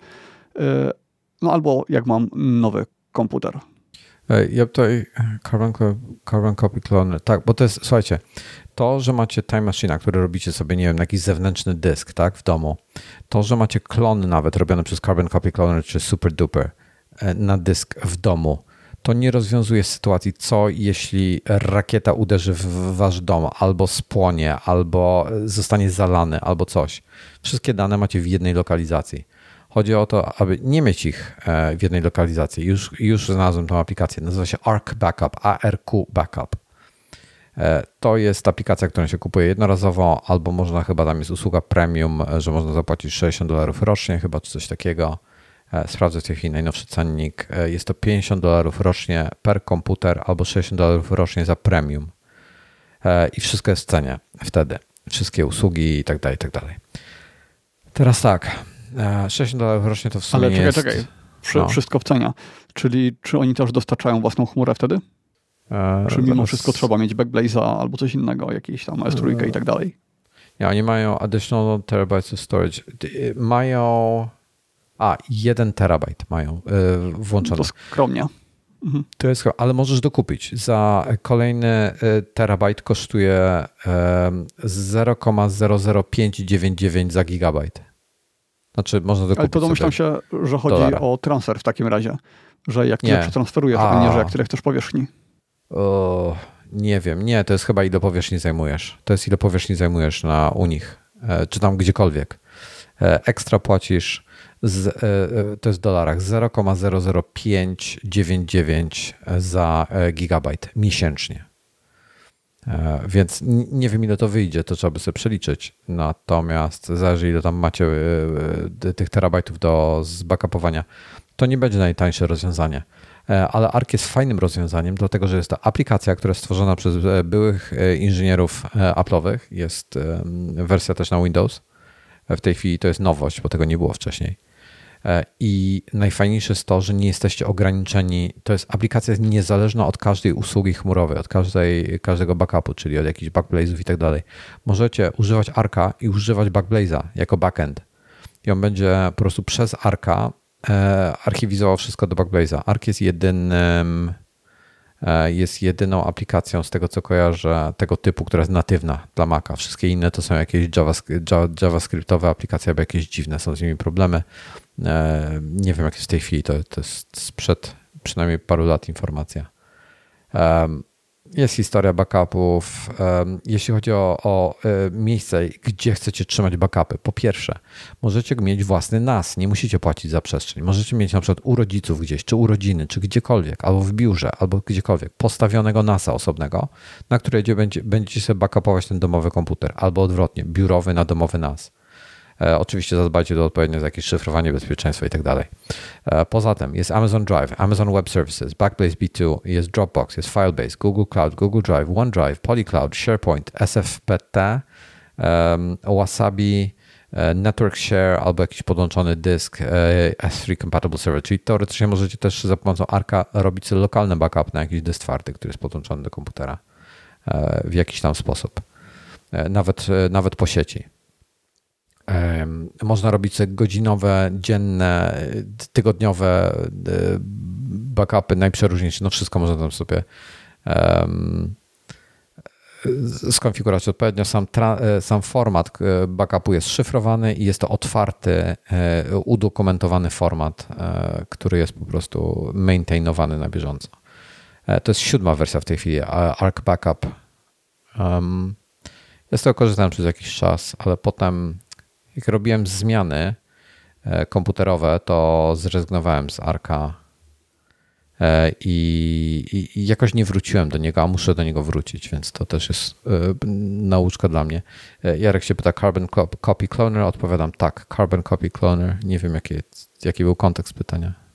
Chyba tyle. Chyba tyle, jeśli o to chodzi, więc warto, warto zadbać o backupy. Pamiętajcie, to są dane, znaczy, no, to, są, to, te dane macie raz, tak? Jak je stracicie, to do widzenia. To jest tak, że gdzieś tam właśnie, już nie pamiętam kto mi to opowiadał, jakiś znajomy mi opowiadał, że koleżanka jego e, nie miała żadnych backupów, nie miała iClouda, nie, szkoda jej było płacić 4 zł miesięcznie za backup zdjęć, a miała wszystkie swoje zdjęcia na iPhone'ie, wszystkie i e, gdzieś zgubiła iPhone'a i nikt jej nie oddał. I poszło wszystko. Nic. Zero. Zero. Cała historia. Wszystkie zdjęcia z całego jej życia, które tam miała, poszły. E, to są dane bezcenne dla mnie, więc e, ja chętnie zapłacę więcej e, za taki backup. No i przy okazji w przypadku Maca również. Część osób robi tak, że wszystko trzyma po prostu w iCloud Drive, czy w jakimś innym Google Drive, czy OneDrive i tak dalej. To też jest jakieś rozwiązanie, ale na Macu ale to, to musicie się liczyć z jakąś tam częściową utratą danych przynajmniej. Dobrze, proszę pana, zacząłeś robić porządek z twarzami porządek w Apple Photos. I też pomyślałem, że zrobię docelowo tak jak ty, czyli zdjęcia z sesji zdjęciowych w wersji JPG powrzucam sobie do Apple Photos, ale ja już tylko te gotowe, te obrobione, nie, nie wszystkie. Tego jeszcze nie zrobiłem, ale to, co chciałem zrobić, to... Ja właśnie tak robię. Nie, nie wrzucam wszystkich, obrobione, wybrane. A, okej. Okay. Mm, ja w pierwszej kolejności chciałem zrobić porządek z twarzami, czyli jak Apple wykrywa mi tam osoby, one są przypisane do kontaktów, no i sobie mogę kliknąć, pokaż mi tą osobę i pokazuję. I to na ogół działa w miarę dobrze, no ale co na przykład jak e, ktoś tam stoi bokiem, nie widać albo jest zdjęcie grupowe jedna osoba gdzieś jest zasłonięta, ale jest na tym zdjęciu. I się okazało, że ja w sumie mam całkiem dużo takich zdjęć, gdzie e, są osoby, ale nie są przyporządkowane e, do, do kogoś, ale ja wiem, kto to jest. No i nie umiałem tego przypisać. Nie wiedziałem, jak to działa. I w no. końcu znalazłem sposób, przy czym to jest w mm, Apple Photos na Macu. I robi się tak, że otwiera się zdjęcie, klika się na nim prawym przyciskiem myszki i y, opcja pierwsza Get Info, y, czyli po polsku pewnie jakoś tam, nie wiem, po, pokaż informację czy coś takiego. No i tam w pewnym momencie jest taki, takie okrągłe plusiki, gdzie można dodać osobę. I klika się w ten plus i nanosi się taki okrąg na zdjęcie. No i skoro twarz nie jest widoczna, to on tej twarzy nie wykryje, ale można wpisać ręcznie, y, kto to jest i postawić ten punkt właściwie gdziekolwiek na, na zdjęciu. Trochę się początkowo obawiałem, aha, no i wtedy ta osoba już faktycznie trafia y, tam, gdzie powinna, czyli jak wyświetlisz sobie tam, nie wiem, mam powiedzmy Wojtka, y, to kliknę sobie w jego awatar, to, to zdjęcie też się teraz tam pojawi. Y, I na początku miałem trochę obawy, czy to mi nie rozwali algorytmu rozpoznawania twarzy, bo jeśli na przykład na y, koszulce, na t-shircie mm, przypiszę, że to jest twoja twarz, no to czy później jakiś y, czarnych t-shirtów nie zacznie mi rozpoznawać jako Wojtka. No ale z tego, co obserwuję póki co, to nie, to on po prostu wie, że tam tej twarzy nie ma, dla niego to nie jest twarz, więc nie, nie stara się tego rozpoznawać, ale jednocześnie wrzuca to tam, gdzie ma być wrzucone. Więc y, działa, jestem szczęśliwy i teraz czeka mnie jeszcze dużo porządkowania. Yy, nie wiem, czy da się to zrobić na yy, iPadzie albo na iPhone'ie. Chyba nie. Jeśli ktoś wie, to niech mi da znać. Tyle. A masz trochę laga, jeśli chodzi o wideo. Tylko ci podpowiem, nie wiem, czy coś nie pobierasz w tle. Ale się zaczyna normować. No fajnie, ja mam te, te, twarze u mnie jakoś tam działają. Ostatnio, to mówiłem chyba ostatnio, że mi tam połączył dwie osoby w jedną, prawda? Wspominałem o tym? Mm, chyba wspominałem. Tak, tak, coś było, tak, tak. No, to Ale musiałem to porozdzielać to. No, no, to, mhm. to, to musiałem zrobić. No a poza tym to jakoś, jakoś tam nie mam z tym specjalnego problemu. Ja nie oznaczam wszystkich osób, oznaczam tylko jakby te najbliższe osoby mi, tak? E, w zasadzie rodzina, jak, jacyś tam najbliżsi przyjaciele i tak dalej. Osoby, do których potrzebuję dostęp, jakby chciałbym znaleźć jakieś zdjęcie z ich twarzą z jakiegoś powodu, e, to, to naprawdę jest niewielka e, grupa osób, także jakby nie, nie, nie, nie fatyguję się za bardzo z tym wszystkim. Dobrze, mamy, mamy no, chciałbym przejść teraz do, do tematu e, odcinka, że tak powiem. E, jeśli to jest OK z Tobą. E, stop, bo jeszcze nam tutaj pisze mm, na czacie Karol, że hmm. na iPhone'ie przesuwa się do góry zdjęcie i dodaje się osobę. No ale ja nie wiem, ja tej opcji nie widzę. To znaczy, widzę tą opcję w momencie, kiedy te osoby kiedy on wykryje twarz na zdjęciu, ale w momencie, kiedy iPhone nie wykryje twarzy, to a, że ręcznie nie, chciałbyś dać, gdzie jest niewykryte. No, tak, to, to, to ja tego nie robić. widzę i to pró próbowałem to już tyle razy, że y, wydaje mi się, że to jest niemożliwe. Ja nigdy nie... Ja na iPhone'ie nie robię nic praktycznie. iPhone'a używam do tego, żeby... Y, zdjęcia na iPhone'ie tylko do tego, żeby, wiesz, coś tam wrzucać i tak dalej. Dla mnie bazą jest zawsze Mac, bo Mac, Fotos dla Maca ma najwięcej funkcji, największą funkcjonalność ma i to najlepiej działa i jakoś jest tak mi zawsze łatwiej zarządzać na dużym ekranie z myszką i klawiaturą. E, więc nie zarządzam na iPhone'ie ani na iPadzie zdjęciami. Wszystko na Macu robię. Tam, tam konsumuję zdjęcia. Czy używam je na przykład na social media, czy coś tam. Na tej zasadzie. Dobrze. Um, Apple Pro Display XDR i Mac Studio w wersji z M1 Max jest u mnie w domu. E, siedzę przed nim właśnie tutaj, jest. Nie, nie pokażę wam go, ale jeżeli wejdziecie sobie na iMaga, e, wczoraj opublikowałem. Wczoraj? Wczoraj? Um, tak, no, wczoraj. No, niedawno. Opublikowałem artykuł, jest chyba nawet na e, górze strony jako najważniejszy, jako tak, Apple Pro Display XDR i Mac Studio Mid 2023. Pierwsze wrażenia. To były bardzo krótkie pierwsze wrażenia, bo dosłownie przed wyjazdem to wszystko złożyłem do kupy e, i, um, i, i to mówię na, na chybcika. Po pierwsze, e, zacznę od Pro Display XDR w ogóle. Po pierwsze, Tomas, nie ma, nie ma takich monitorów. Nikt nie robi takich monitorów. Ten monitor jest tak dobry jakościowo, e, obudowa, jak to wygląda, że nie, nie ma konkurencji. Wentylatora nie no jeśli mówimy o Jeśli mówimy o obudowie, o właśnie designie, o tym, jaki on jest, jasne, że tam ma fajne HDR i tak dalej, y, no to tak, to w pełni się zgadzam. To jest, to jest mistrzostwo świata. To jest naprawdę mistrzostwo świata, to, to co oni zrobili. Jeśli przejdziemy do tematu równomierności ekranu, no to również nie ma firmy, która by coś takiego robiła, bo tak nierównego ekranu, tak nierównych krawędzi względem środka też nie, żadna słuchaj. firma nie robi. Dobra, ja ci powiem, ja ci powiem, ja w ogóle zacznę od tego, co napisałem w... Dobra, nie, zacznijmy od początku.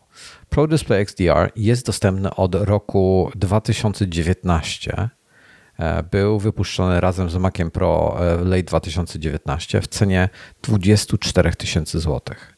To była absurdalna cena na, tamte, na tamten e, czas. To, było, to wtedy, 4 lata temu, przed pandemią, to była absurdalna cena. E, była tak, wersja oczywiście. Top, topowy monitor do zdjęć też wtedy tyle kosztował. Tak, ale nie był 6K, tylko był 4K. Tak. I monitory referencyjne wtedy kosztowały 30-40 e, tysięcy złotych chyba mniej więcej. O, plus. Dobra, to jest monitor, który wtedy zadebiutował. I ja wtedy napisałem o nim. E, szukam, szukam linka, przepraszam. OK. Um, no generalnie trochę pojechałem po nim. No. E, no, super szerokie kąty widzenia. E, napisałem, że to jest bzdura. No nie. E, Bo to jest bzdura. Zaraz do tego wrócimy ma najgorsze kąty widzenia z wszystkich chyba. Okej, okay, są gorsze, ale jeśli mówimy o, o IPS-ach, to nigdzie nie znajdziesz takich słabych. E, I teraz tak, tylko tak. jedna rzecz, to jest bardzo istotna rzecz. Ja krytykowałem ten monitor dosyć mocno, ale przez pryzmat jego ceny w 2019 roku.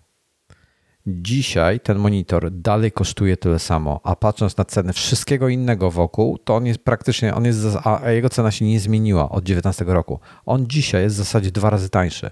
Gdyby ten monitor dzisiaj wypuścili, jestem przekonany, żeby kosztował ponad 30 tysięcy złotych i to, i to nie mało ponad.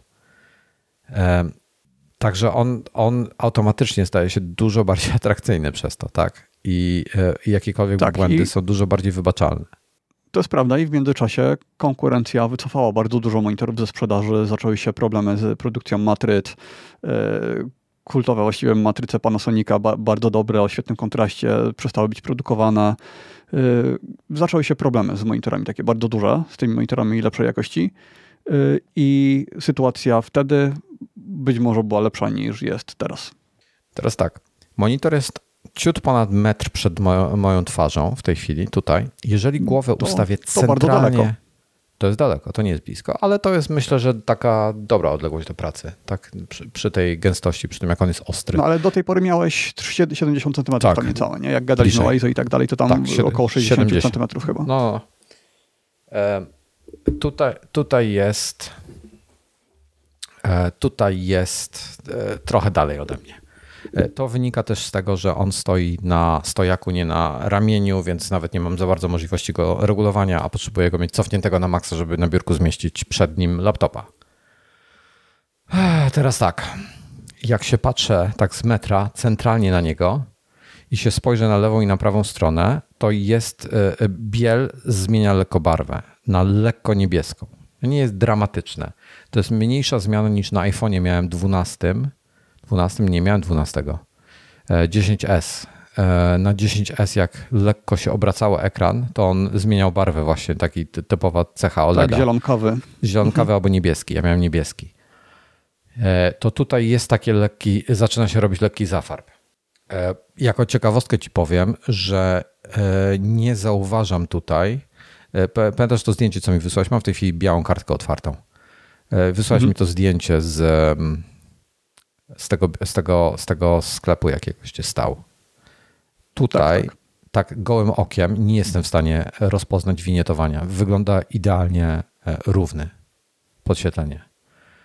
E, przy czym jest to nówka sztuka ten monitor, tak? Wyprodukowany świeżo, bo był zapakowany fabrycznie. Więc to nie jest jakaś używana sztuka z 19 roku, wystawowa czy coś. To jest świeży monitor. Mhm mógł no, się jakiś proces... HDTV y, test i inni też tam, jak testowali, to też e, nówki sztuki. Tak, ale to były nówki sztuki z 19 roku. Dzisiaj mamy 23. Mhm. I być może w międzyczasie coś się zmieniło, tak? Poprawili proces produkcji tych paneli e, itp. itd. Być może, ale z tego co wiem, to nie wynika z samego podświetlenia, z niczego takiego, tylko z tej, no z poboki na ekranie.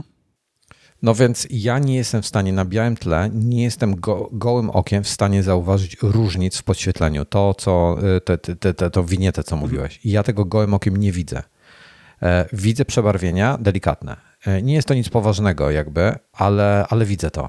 Um, a czy tej winiety nie widzisz nawet normalnej odległości? Jakbyś go sobie dał te 60 cm od głowy, to dalej nie. byś nie widział, bo to się bardzo zmienia z odległością. Przy czym ja nawet przy y, metrze widziałem bardzo mocno. Hmm. Tak, do tego stopnia mocno, że tak jakby to był jakiś, jak się patrzysz przez stare obiektywy, mm, które mocno winietują. E, wiesz co, daj mi szybko, e, pobiorę tylko taki 100%. About blank, Wojtek w Safari. O. I pełny ekran. Z, zero winiety, zero winiety, nie widzę nic kompletnie. Okej, okay. są dwie opcje. Albo coś poprawili, albo e, problemy Wojtka ze wzrokiem. Nie, ja, ja szczerze, tak, no patrzę się teraz na niego. Ja podejrzewam, że jak można zrobić czarny ekran? Całkowicie. Poza yy, pobraniem gra, yy, stworzeniem grafiki. Przeglądarce nie zrobisz. Raczej. Nie zrobię, prawda? Chyba nie. A po, pobiorę jakąś czarną grafikę zaraz sobie. E, no na czarnej to tam nie, nie będzie widać. Na czarnej to ewentualnie wyciekająca czerni. To no właśnie chcę zobaczyć, jak, jak wygląda ten, wiesz? E, jak wygląda tło. Podświetlenie. E, podświetlenie, tak. No w sumie podświetlenie równomierność to też na białym, ale właśnie wyciągająca czerń to na czarnym. Mm, takie testy najlepiej wychodzą przy zgaszonym świetlo, ale wtedy też mają najmniej sensu, bo powinno się patrzeć tak, jak się korzysta. A nie, to kurde, ktoś zrobił. Ale dobra, w sumie ciekawy test. Ktoś zrobił akurat niebo, więc gwiazdy są. Jest idealnie czarne. Tak. A... To banding możesz sprawdzić. Te blooming. E, tak, tak. To, to nie. To też jest jakiś ten. Kurde, ludzie same nieba rzucają. Chcę po prostu czarne zdjęcie. E, nie mam tu żadnej aplikacji do generowania zainstalowanej, do tworzenia grafik, więc e, dobra, już nie będę się teraz bawił teraz okay, bla tym. Black.png na Google i powiększasz na cały ekran. No pewnie naj, najprościej. E, w każdym razie wygląda, no, no, nie widzę tego. Jedyne, rzeczywiście widzę to przebarwienie, tak? Mhm. jak się rusza no nawet przy tym, nawet przy e, tej odległości typu metra, więc im bliżej będę, tym to będzie większe. No bo będzie, mhm. tak? Dobra, pobrałem Black PNG, jest w kwadracie niestety, więc będę musiał go zoomować. O, dobra, jest. Wojtek patrzy gdzieś do góry. Ten, no, Na super, to... ten, on ten, jest ten wysoko, ekran, on jest, gdzieś on, patrzysz. on stoi dosyć wysoko. On stoi dosyć wysoko, jest na maksa, jest na prostandzie tym Apple'owym, to jest ten prostand za 5, prawie 4800 E, mhm. Zaraz do, do tego wrócimy. Jest w najwyższym możliwym położeniu, czyli jak mój, jak mój MacBook stoi tutaj przede mną i jest otwarty, to mam jeszcze tyle do dołu ekranu, więc jest wysoko, jest ponad moim, moim e, wzrokiem w tej chwili. Tak się patrzy na dolną jedną trzecią w, e, w tej chwili. Dosyć wysoko jest. Mógłbym go obniżyć sobie spokojnie, ale mówię, no, na szybko go konfigurowałem, postawiłem go po prostu. Um, fa- kurczę, Tomas, nie jest tak źle jak na tym, jak ten twój. W sensie wręcz odwrotnie. Jest e, bardzo dobrze. Poza i jedyna mm. rzecz, którą zauważam tutaj jako wadę, to jest to rzeczywiście, że przebarwia się biel, e, jak jesteś off-axis, tak? Ale no, ale z drugiej strony no, to jest jakiś kompromis. A, a co innego za te pieniądze kupisz tej klasy? Nie ma niczego podobnego. Nie ma takiego monitora na rynku nadal. Minęły 4 mm. lata od jego debiutu nie ma żadnego mini LEDowego ani OLEDowego monitora 6K, który miałby, um, który miałby takie parametry i miałby wsparcie HDR-a i 1600 nitów. Nie ma czegoś takiego. No tak, bo te, które są, są ciemniejsze bez HDR-u, czy tam z niskim HDR-em. E, czyli wysokość maksymalna starczy także na otwartego MacBooka 16 cali, Bartek się pyta. Tak, e, powinna wystarczyć, bo jest dosyć duża luka. Nie mam 16 pod ręką w tej chwili, ale powinna myślę spokojnie wystarczyć nie, nie powinno być, bo on, on ile jest, no, on jest e, półtora cala po, po przekątnej, więc to będzie tam typu centymetr na, na wysokość wyżej, to spokojnie się zmieści. Będziesz mógł nawet go trochę sobie obniżyć, monitor, żeby nie mieć go tak wysoko. To jest na prostandzie, od razu powiem, to jest prostand XDR. Ten prostand, teraz o prostandzie powiem może, to jest 4800, to jest droga impreza, e, bardzo droga impreza, ale bardzo porządnie jest wykonany. E, muszę przyznać, że jest wykonany jak prawie jak szwajcarski mechaniczny zegarek. E, super, super naprawdę jakość. Ale nie uważam, że był warty tych pieniędzy. Jest niesamowicie wykonany, ale jest po prostu za drogi. 2000 bym za niego pewnie zapłacił, 2,5, ale 4800 to już jest przesada. Mówimy Autentycznie... teraz o jakiej no. walucie? O, zło, o złot, złotówkach. 4800 w e, polskich złotych. Próbuję. Nie, nie, pamiętam, ile on w tej chwili próbuję znaleźć. Mm, bo, bo sam Vesamount, dobra, monitor kosztuje, ja w ogóle tak powiem, jeszcze, jeszcze wrócę do podstaw. ProDisplay XDR jest dostępny w dwóch wersjach. Szkło standardowe albo nanostrukturalne. Nanostrukturalne jest to, które odbija światło. Dla osób, które pracują w miejscach, gdzie jest dużo światła, dużo słońca padającego. Strukturalne to jest to, które ma mniejsze odbicie światła. Tak, ma mniejsze. To tak. E, praktycznie niweluje całkowicie odbicia światła. E, I naprawdę efekt jest niesamowity z tego. Jest niesamowity, ale, ale nie nadaje się do fotografii. Powoduje taki no. ziarnisty obraz, bardziej mniej klarowny. Tak, taki trochę, dla mnie to nawet nie jest ziarnisty, taki rozmyty trochę. Ja tego niestety nie widziałem Taki na mglisty, o, te, użyłbym słowa tej, mglisty. Tej wersji. No ja, mhm. ja bym użył słowa mglisty. Taki, taki eteryczny. Nie, trochę, trochę inny. Inny po prostu jest tego. Dla osób, które nie, nie pracują z zdjęciami czy z wideo, e, to albo nie będzie to robiło wam różnicy, albo jak, będziecie jakby nauczycie się różnic między innymi monitorami, czy tym, co inni ludzie widzą, zwykli śmiertelnicy widzą, e, to być może będziecie potrafili się do tego dostosować.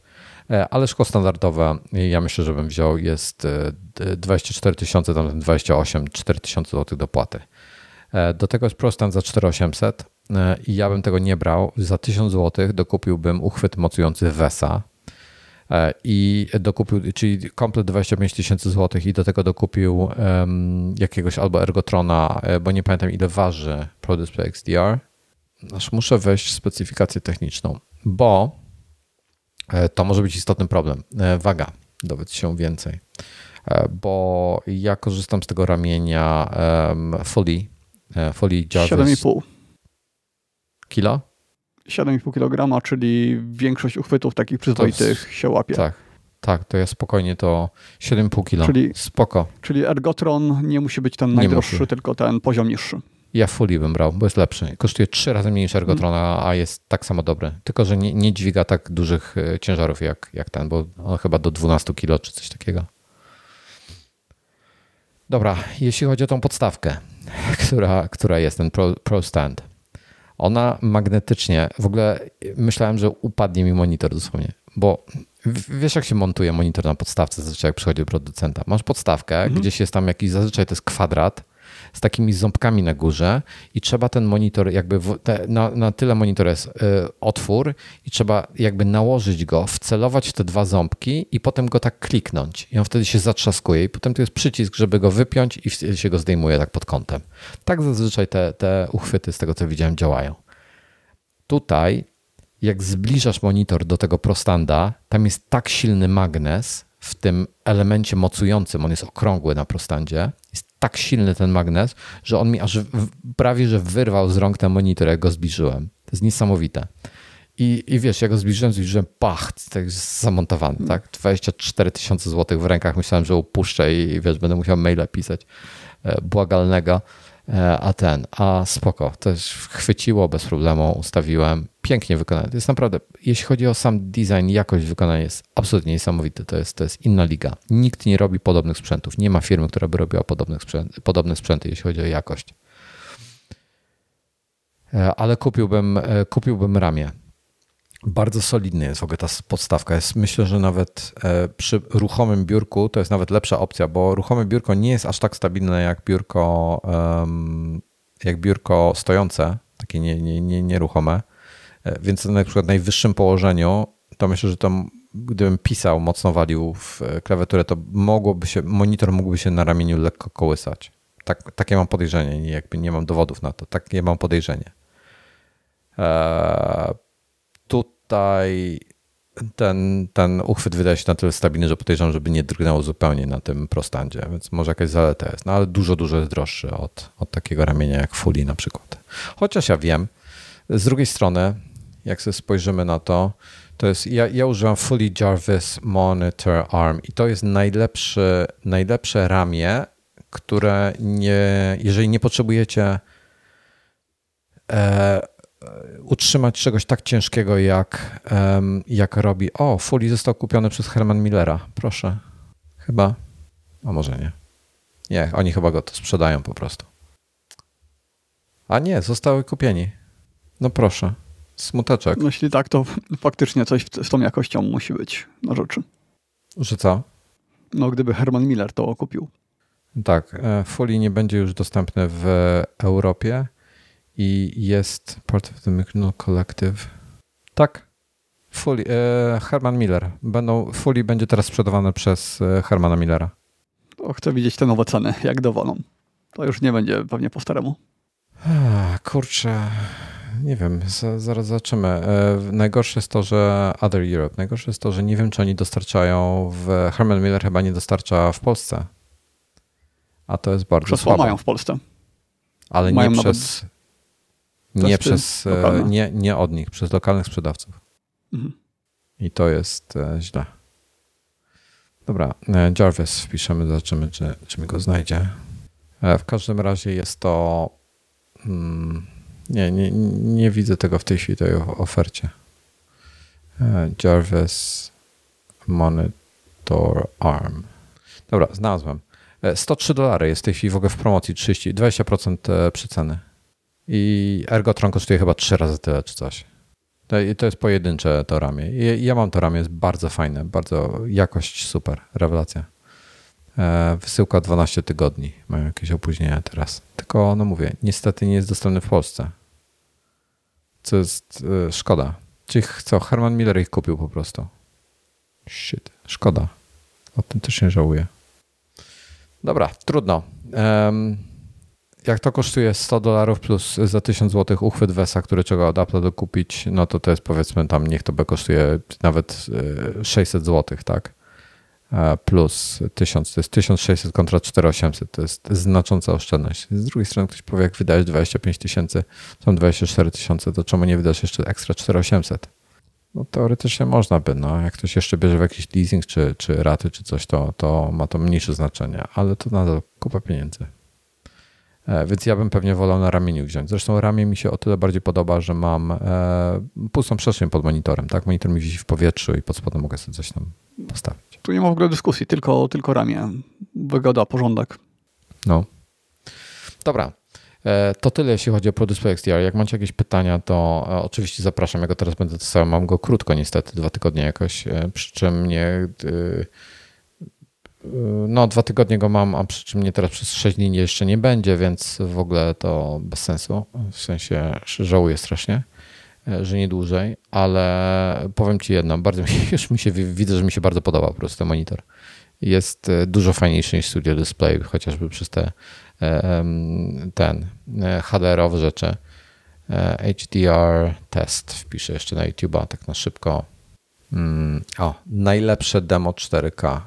A, a wiesz co? Nie, nie, to, to jest to jest żenada. Ja nie będę robił testów 4K, tylko HDR 8K test. Zrobimy sobie test 8K, to prawda? Nie będziemy... Jest, 8K Dolby Vision, proszę bardzo. Niestety mam reklamy, nie jestem zlogowany jeszcze do swojego konta tutaj. E, powiem ci tak. No, najgorsze jest to, że widzisz, że, że, wszystko poszło do góry, a ten monitor zostawili w spokoju, tak? Nie podnosili jego ceny. I naprawdę mam wrażenie, że to w tej chwili jest dobry deal, żeby go teraz kupić.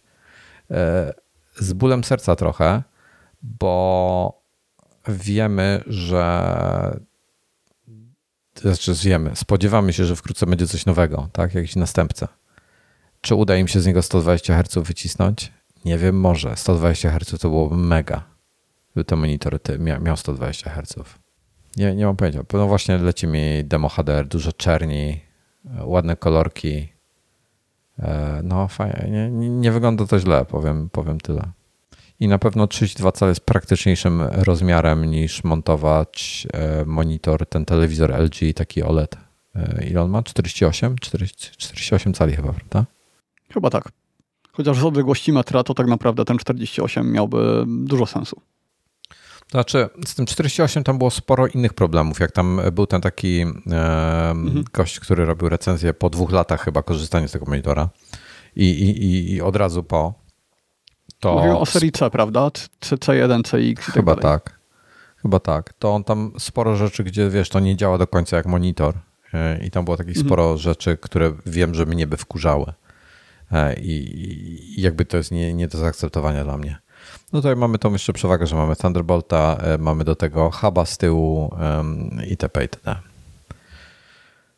Fajny monitor ma w tej chwili dużo rozsądniejszą cenę niż miał na początku, przez to, że ona się nie zmieniła, świat poszedł do przodu. Um, nie wiem. Um, 1000 dolarów uważam za jak za dużo, um, ale jest to naprawdę dzisiaj jest to bardzo ciekawa propozycja. Być może zaraz się pojawi coś lepszego, ale w, w, od Apple podejrzewam, bo nikt inny czegoś takiego nie robi. E, i, i pewnie dalej nie będzie robił. No mówię, nie, nie widzę tych problemów, o których te, tej winiety, więc zastanawiam się, czy to jest kwestia poprawy technologii produkcji tych paneli.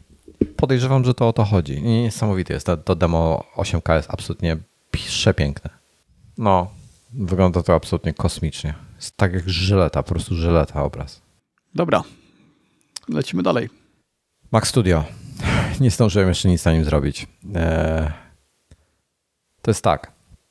Mac Studio sprawia wrażenie. Wiesz, jak czasami, czasami masz jakiś taki sprzęt. Nie wiem, nie, nie mam chwili pomysłu, co, co podać jako, jako przykład. Czasami masz coś, co widzisz, jakiś przedmiot, i on sprawia wrażenie, oceniasz jego wagę na podstawie jego wyglądu, tak? E, ale podnosisz to i jest to na przykład dwa albo trzy razy cięższe niż się spodziewałeś. Jest taki... Tak, na przykład HomePod. Na przykład HomePod. O, to jest bardzo dobry przykład. HomePod jest świetnym przykładem. Mac Studio ma identyczne tutaj sytuacje. Po prostu spodziewa się czegoś lżejszego niż otrzymujesz w rzeczywistości. W odróżnieniu od e, Maca Mini, który się wydaje lżejszy niż jest. E, I e, kosmos totalny ten Mac Studio, jeśli chodzi właśnie o, o jakość wykonania. Wygląda świetnie. Nie słyszę go. Chodzi mi tutaj cały czas, jak teraz nagrywamy, pracuje tutaj. Tu sobie siedzi przede mną, pracuje. Nie słyszę nic. Jest cisza. Ja przypominam, że mam tutaj, jak, jak nie słychać hałasów żadnych, to jest 32-33 dB w pokoju. E, więc cicho, tak? To, to podobnie chyba jak u ciebie. E, no, chyba identycznie, tak. No, więc nie słyszę go zupełnie. Jeszcze potestuję. E, nie robiłem żadnych testów, konkretnych benchmarków, nic. E, potestuję, porobię benchmarki, zobaczę jak się rozkręca, czy się rozkręca, czy jak się rozkręca to słychać. Zobaczymy. Myślę, że Mac Studio, znaczy kto co potrzebuje. M, M2 Pro w Macu Mini jest bardzo kuszącą opcją, ale ja przez to, że potrzebuję przez to, że potrzebuję ten 4 terabajtowy SSD, to podejrzewam, że w Mac Studio bym szedł. I, i dodatkowe porty się ma z tego tytułu jeszcze i, i z przodu jest port na kartę SD, więc kolejny mniej akcesoriów potrzebuję, więc taka, wiesz, taki ekstra, ekstra wygoda, tak? E, dla mnie. Już są tacy, którzy doprowadzili do throttlingu e, tego studio, podobno da się. Serio? Więc zobaczymy też, jak u ciebie pójdzie. Tak, tak. Czym, czym oni go obciążyli? Pamiętasz? E, polecam test Linusa. Linus. To co, Technics. zapuszcza typu Cinebencha i, i on, Blendera on równocześnie?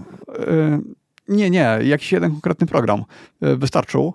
Już nie pamiętam dokładnie, natomiast było widać, że tam w pewnym momencie zaczyna pobierać mniej mocy niż powinien, więc trotlował. No dobra, zerknę przy tych moich typowych takich zastosowaniach, jak to będzie się spisywało, jeszcze Mac Whispera mu zapuszczę, zobaczę jak się różni Mac Whisperze względem tych, tych innych, bo nie, nie zrobiłem, cholera, jak, nie, zapomniałem, żeby zrobić test Mac Whispera na tym, tym, na tym um, MacBooku R 15 cali, ale dodam chyba go do standardowego tego portfolio testów Mac Whisper, bo on tak fajnie e, męczy komputer. Chociaż mhm. problem mam z tym, bo ta aplikacja się rozwija cały czas. Kolejna wersja ostatnio wyszła, taki duży update był i on po prostu gość optymalizuje tak mocno kod, e, i, i tą całą procedurę, że, że wiesz, na tym samym komputerze nagle się aplikacja staje dwa razy szybsza, tak? E, więc, więc nie wiem, na ile sensu to może, może mieć, jak się wersje tak często zmieniają, ale, ale pomyślę na ten temat. E, przynajmniej będę mógł na bieżąco zrobić na przykład na moim e, MacBooku test Whisperem i na tym. I ewentualnie na Macu Mini też. Mm, także słuchaj, jest, porzucałem parę zdjęć na stronie Maca, porzucałem parę zdjęć tego Apple, Apple Pro Display XDR polecam obejrzeć. Widać tam też na jednym zdjęciu klawiaturę. E, nie wiem, czy ty zauważyłeś. Tak ją ślizgnąłem do, do, do foty ostatniej. Ja dopiero teraz szukam linka do, do tego. Nie no, uruchomiłem tego. W notatce jest ostatni, ostatni link, ostatni wpis w tematach. A, bo on jest niepodświetlony, to dlatego nie widziałem. Tak, tak, tak, tak już klikam. No, no, no. Szukam klawiatury. No same, ostatnie zdjęcie. A, no to to jest OnePlus. Dzisiaj no. omawiany. Tak, tak, tak. Także jest ukryte zdjęcie. Mam, porobiłem więcej zdjęć same klawiatury, będę o nie pisał e, za kilka dni, e, więc będzie więcej info. E, w zasadzie, no, będę o nie pisał na pewno.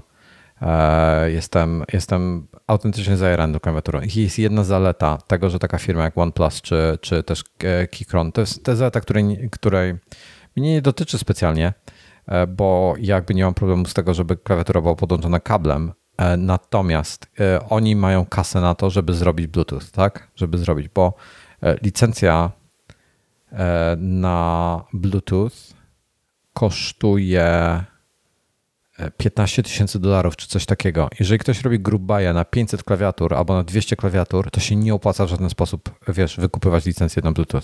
To za drogo po prostu wychodzi per, per klawiatura. Jak jest taka firma jak OnePlus, e, to ja nie wiem, czy oni pewnie mają jakąś licencję na wszystkie swoje produkty od razu i tak ją mają, i tak ją mają, albo i nawet jeśli, jeśli muszą dokupić coś ekstra, to dla nich to są, wiesz, żadne pieniądze. E, także zupełnie inna skala. No, a to pewnie w ogóle to jest pewnie od Keychrona ta licencja wychodzi, bo to przecież oni za to zapłacili, bo to ich moduł. Bartek pisze, o kurczę, moja klawiatura. Bartosz, na pewno nie twoja. Jedyna w Polsce. Na razie. Zacząłem, może zacznę ją sprowadzać. Dobrze, koniec e, chyba części głównej.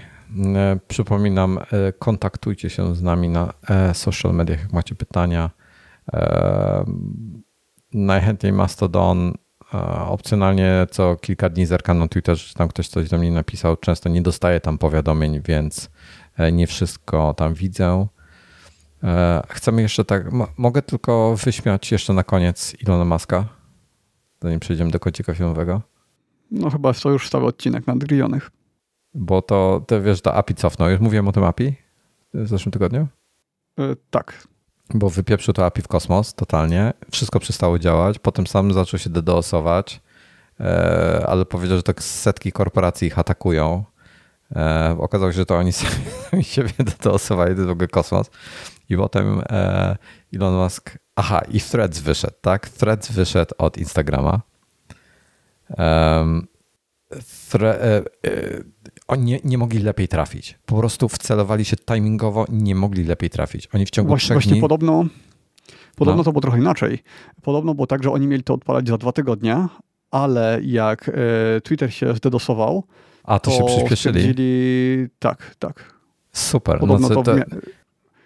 Nie, nie, pamiętam od kogo to wyszło, podobno w miarę pewna informacja. No to rewelacja. To wiesz, to, to dobrze, że mieli na tyle gotowy produkt, że mogli go wypuścić dwa tygodnie wcześniej. E, więc mm. super sprawa z ich strony zagrywka. E, zdobyli w ciągu, ja nie pamiętam ile, trzech czy pięciu dni zdobyli 100 milionów użytkowników. 100 milionów jakby osób, e, użytkowników Instagrama się zapisała. Rekord rekordów przebili czata GPT. Tak. E, szczerze, ja przy myślę, czym, że. Przy czym to jest takie porównanie nieuczciwe, bo do czata GPT trzeba było faktycznie się zarejestrować. Tak. A tutaj, tutaj klikasz przycisk jeden. na tak. Instagrama tak. i klikasz tak, okej. Okay. No. Ale słuchaj, e, większość, wiele, no nie większość, wiele ludzi na świecie ma Instagrama. E, jeżeli oni, te osoby, które dotychczas korzystały też z Twittera, czy też z jakiegoś Mastodona czy coś, większość z nich podejrzewam, że przejdzie na Threads i zostanie na Threads, bo będą mieli wszystko, wiesz, pod jednym, e, jednym kątem. E, będzie dla nich łatwiejsze, wygodniejsze. Te same osoby tutaj, tutaj, e, czy opcjonalnie przynajmniej mogą śledzić. No wiesz, żeś nie umierać, tak? Mhm. Adamir się pytałem, pytałem się coś tam Tomasa na Insta, ale nie wiem, czy Shadowban nie zadziałał takie info dla ciebie. Gdzieś tam w ukrytych możesz być w tych requestach. To, to muszę sprawdzić. Ja na Instagramie dość, z wszystkich miejsc to na Instagramie dostaję najwięcej wiadomości i Instagram nie wyświetla ich standardowo. One lądują niektóre w folderze tam yy, tak, ja u mnie też. ukrytych, a później jeszcze, a najwięcej ląduje, że jak się wejdzie w folder ukryte, to tam jeszcze trzeba pokazać, żeby pokazał wszystkie ukryte i dopiero tam to jest. Więc ja z tym jestem bardzo, bardzo nie na bieżąco. Staram się sprawdzać, ale to z dużymi opóźnieniami często. No, I, I co? I Elon Musk potem, jak, jak e, Zak ogłosił sukces tam 100 milionów użytkowników czy coś, ogólnie tak, tak dosyć skromnie to napisał jak na Zaka. Tak myślałem, że będzie się bardziej chwalił. On tak, wiesz, taki dosyć naprawdę tak skromnie e, reaguje na co mnie bardzo mocno zdziwiło, bo on raczej inaczej wcześniej podchodził do tematów. Natomiast Elon zareagował, hasłem Zak is a cock czyli że Zak jest rogaczem, a oni to używają nie typu w tym kontekście, że jest rogaczem, tylko takim, nie wiem, e, frajerem, głupkiem. E, używam tutaj zmiękczonych wersji słów, które chciałbym użyć, ale ze względu na, żeby nie nadawać e, NSFW, to, to, to dlatego o tym mówię w ten sposób. I no, co, aha, i potem jeszcze chciał iść na i mierzyć długość swojego penisa z e, Zakiem. Napisał Literal Penis Measuring Contest. Mhm. Nie, nie rozumiem tego człowieka. Po prostu nie rozumiem tego człowieka. No, zrobiło się bardzo specyficznie w branży technologicznej. Tak, wiesz co, tak, ale taka, tak, tak, tak smutno mi jest, taka żenada się robi, po prostu taki cringe. O, jest naprawdę wszystko, co ostatnio idą, te, i te jego żarty, to jest takie cringe'owe, że nie mogę, nie mogę tego słuchać. A, dobra, co zrobić? Gość nie ma zero klasy. Przy nim, kurde, przy nim Zuckerberg jest gentlemanem i mówię to z ogromnym bólem serca.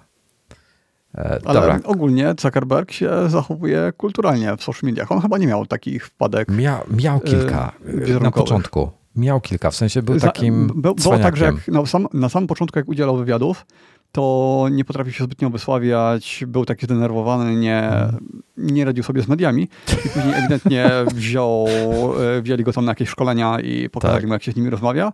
Pamiętasz I wtedy się zaczął Mark w wersji robotycznej.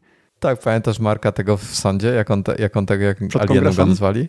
Tak, przed kongresem, no, no. Mhm, tak, tak. I dosłownie jak, jak, jak Robocop. To było niesamowite. To było w ogóle jak, jak CGI. Mm. Kosmos. Słuchaj, dobra, kącik filmowy. E, poza Product XDR to jest najfajniejszy element tego odcinka, bo jestem strasznie zajerany paroma rzeczami. Um, nie wiem, dlaczego to jest przerwa między Polarem a Revenge'em. Um, ty no, o Revenge rozmawiałeś ostatnio. ostatnio. tak? Dobra, Polar tak, teraz tak. jest. To, proszę bardzo. Polar. Nie, wiesz co, ja zacznę od Indiana. Ty bo ty potem masz więcej, tak. Tak, bo mam więcej.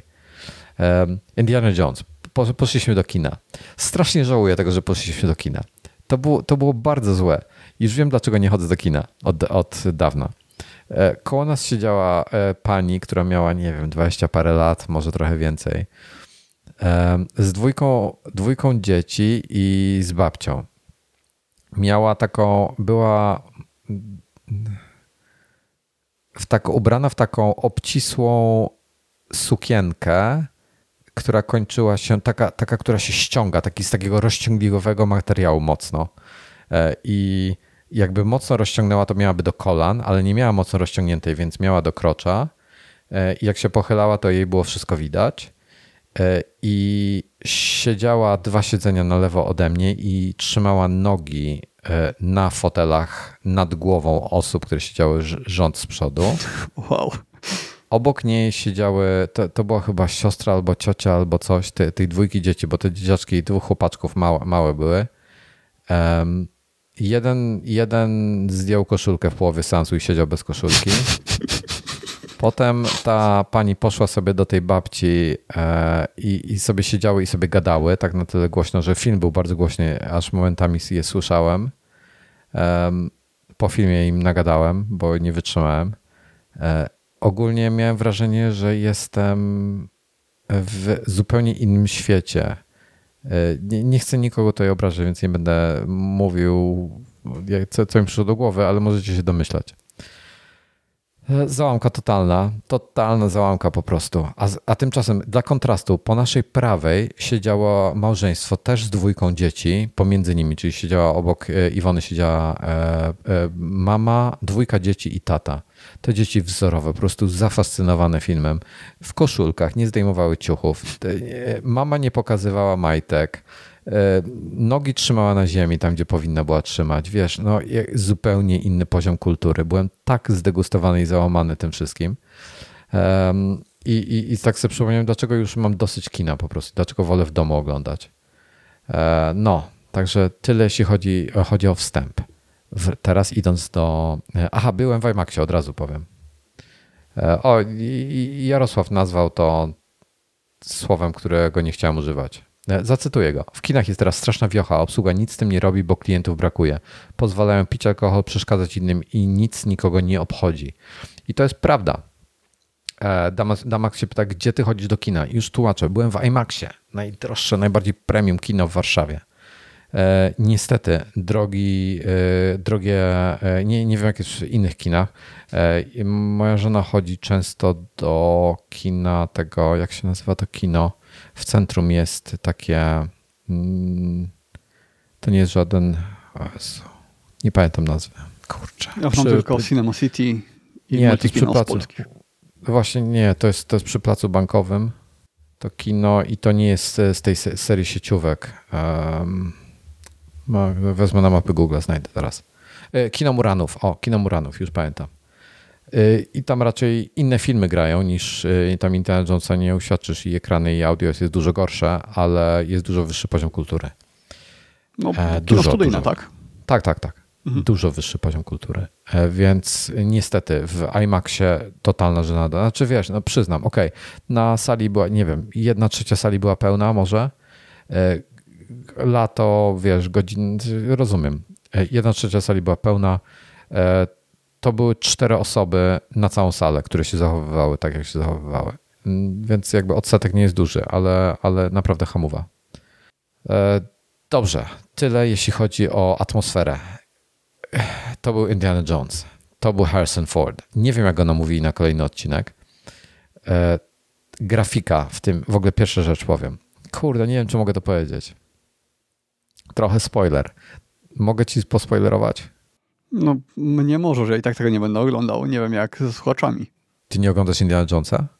Widziałem kiedyś te stare i no, może być. Znaczy, widziałem to po latach, bardzo późno, więc nie, nie, nie zrobiło przestaniemy to się, Przestaniemy się lubić zaraz. A kryształową czaszkę to chyba najlepiej po prostu pominąć. Podejrzewam, tak, tak. że ten lepszy nie, nie będzie od kryształowej czaszki. Znaczy wiesz co, powiem ci szczerze, że, że kryształową czaszkę lubię oglądać ze względu na Forda, tak? Ze Harrisona Forda. Lubię jego grę i tyle. Um, dobra. E, sam film. Zrobi, tam jest CGI użyte do odmłodzenia, bo są, są retrospekcje e, w filmie. Wracają do młodego Harrisona Forda.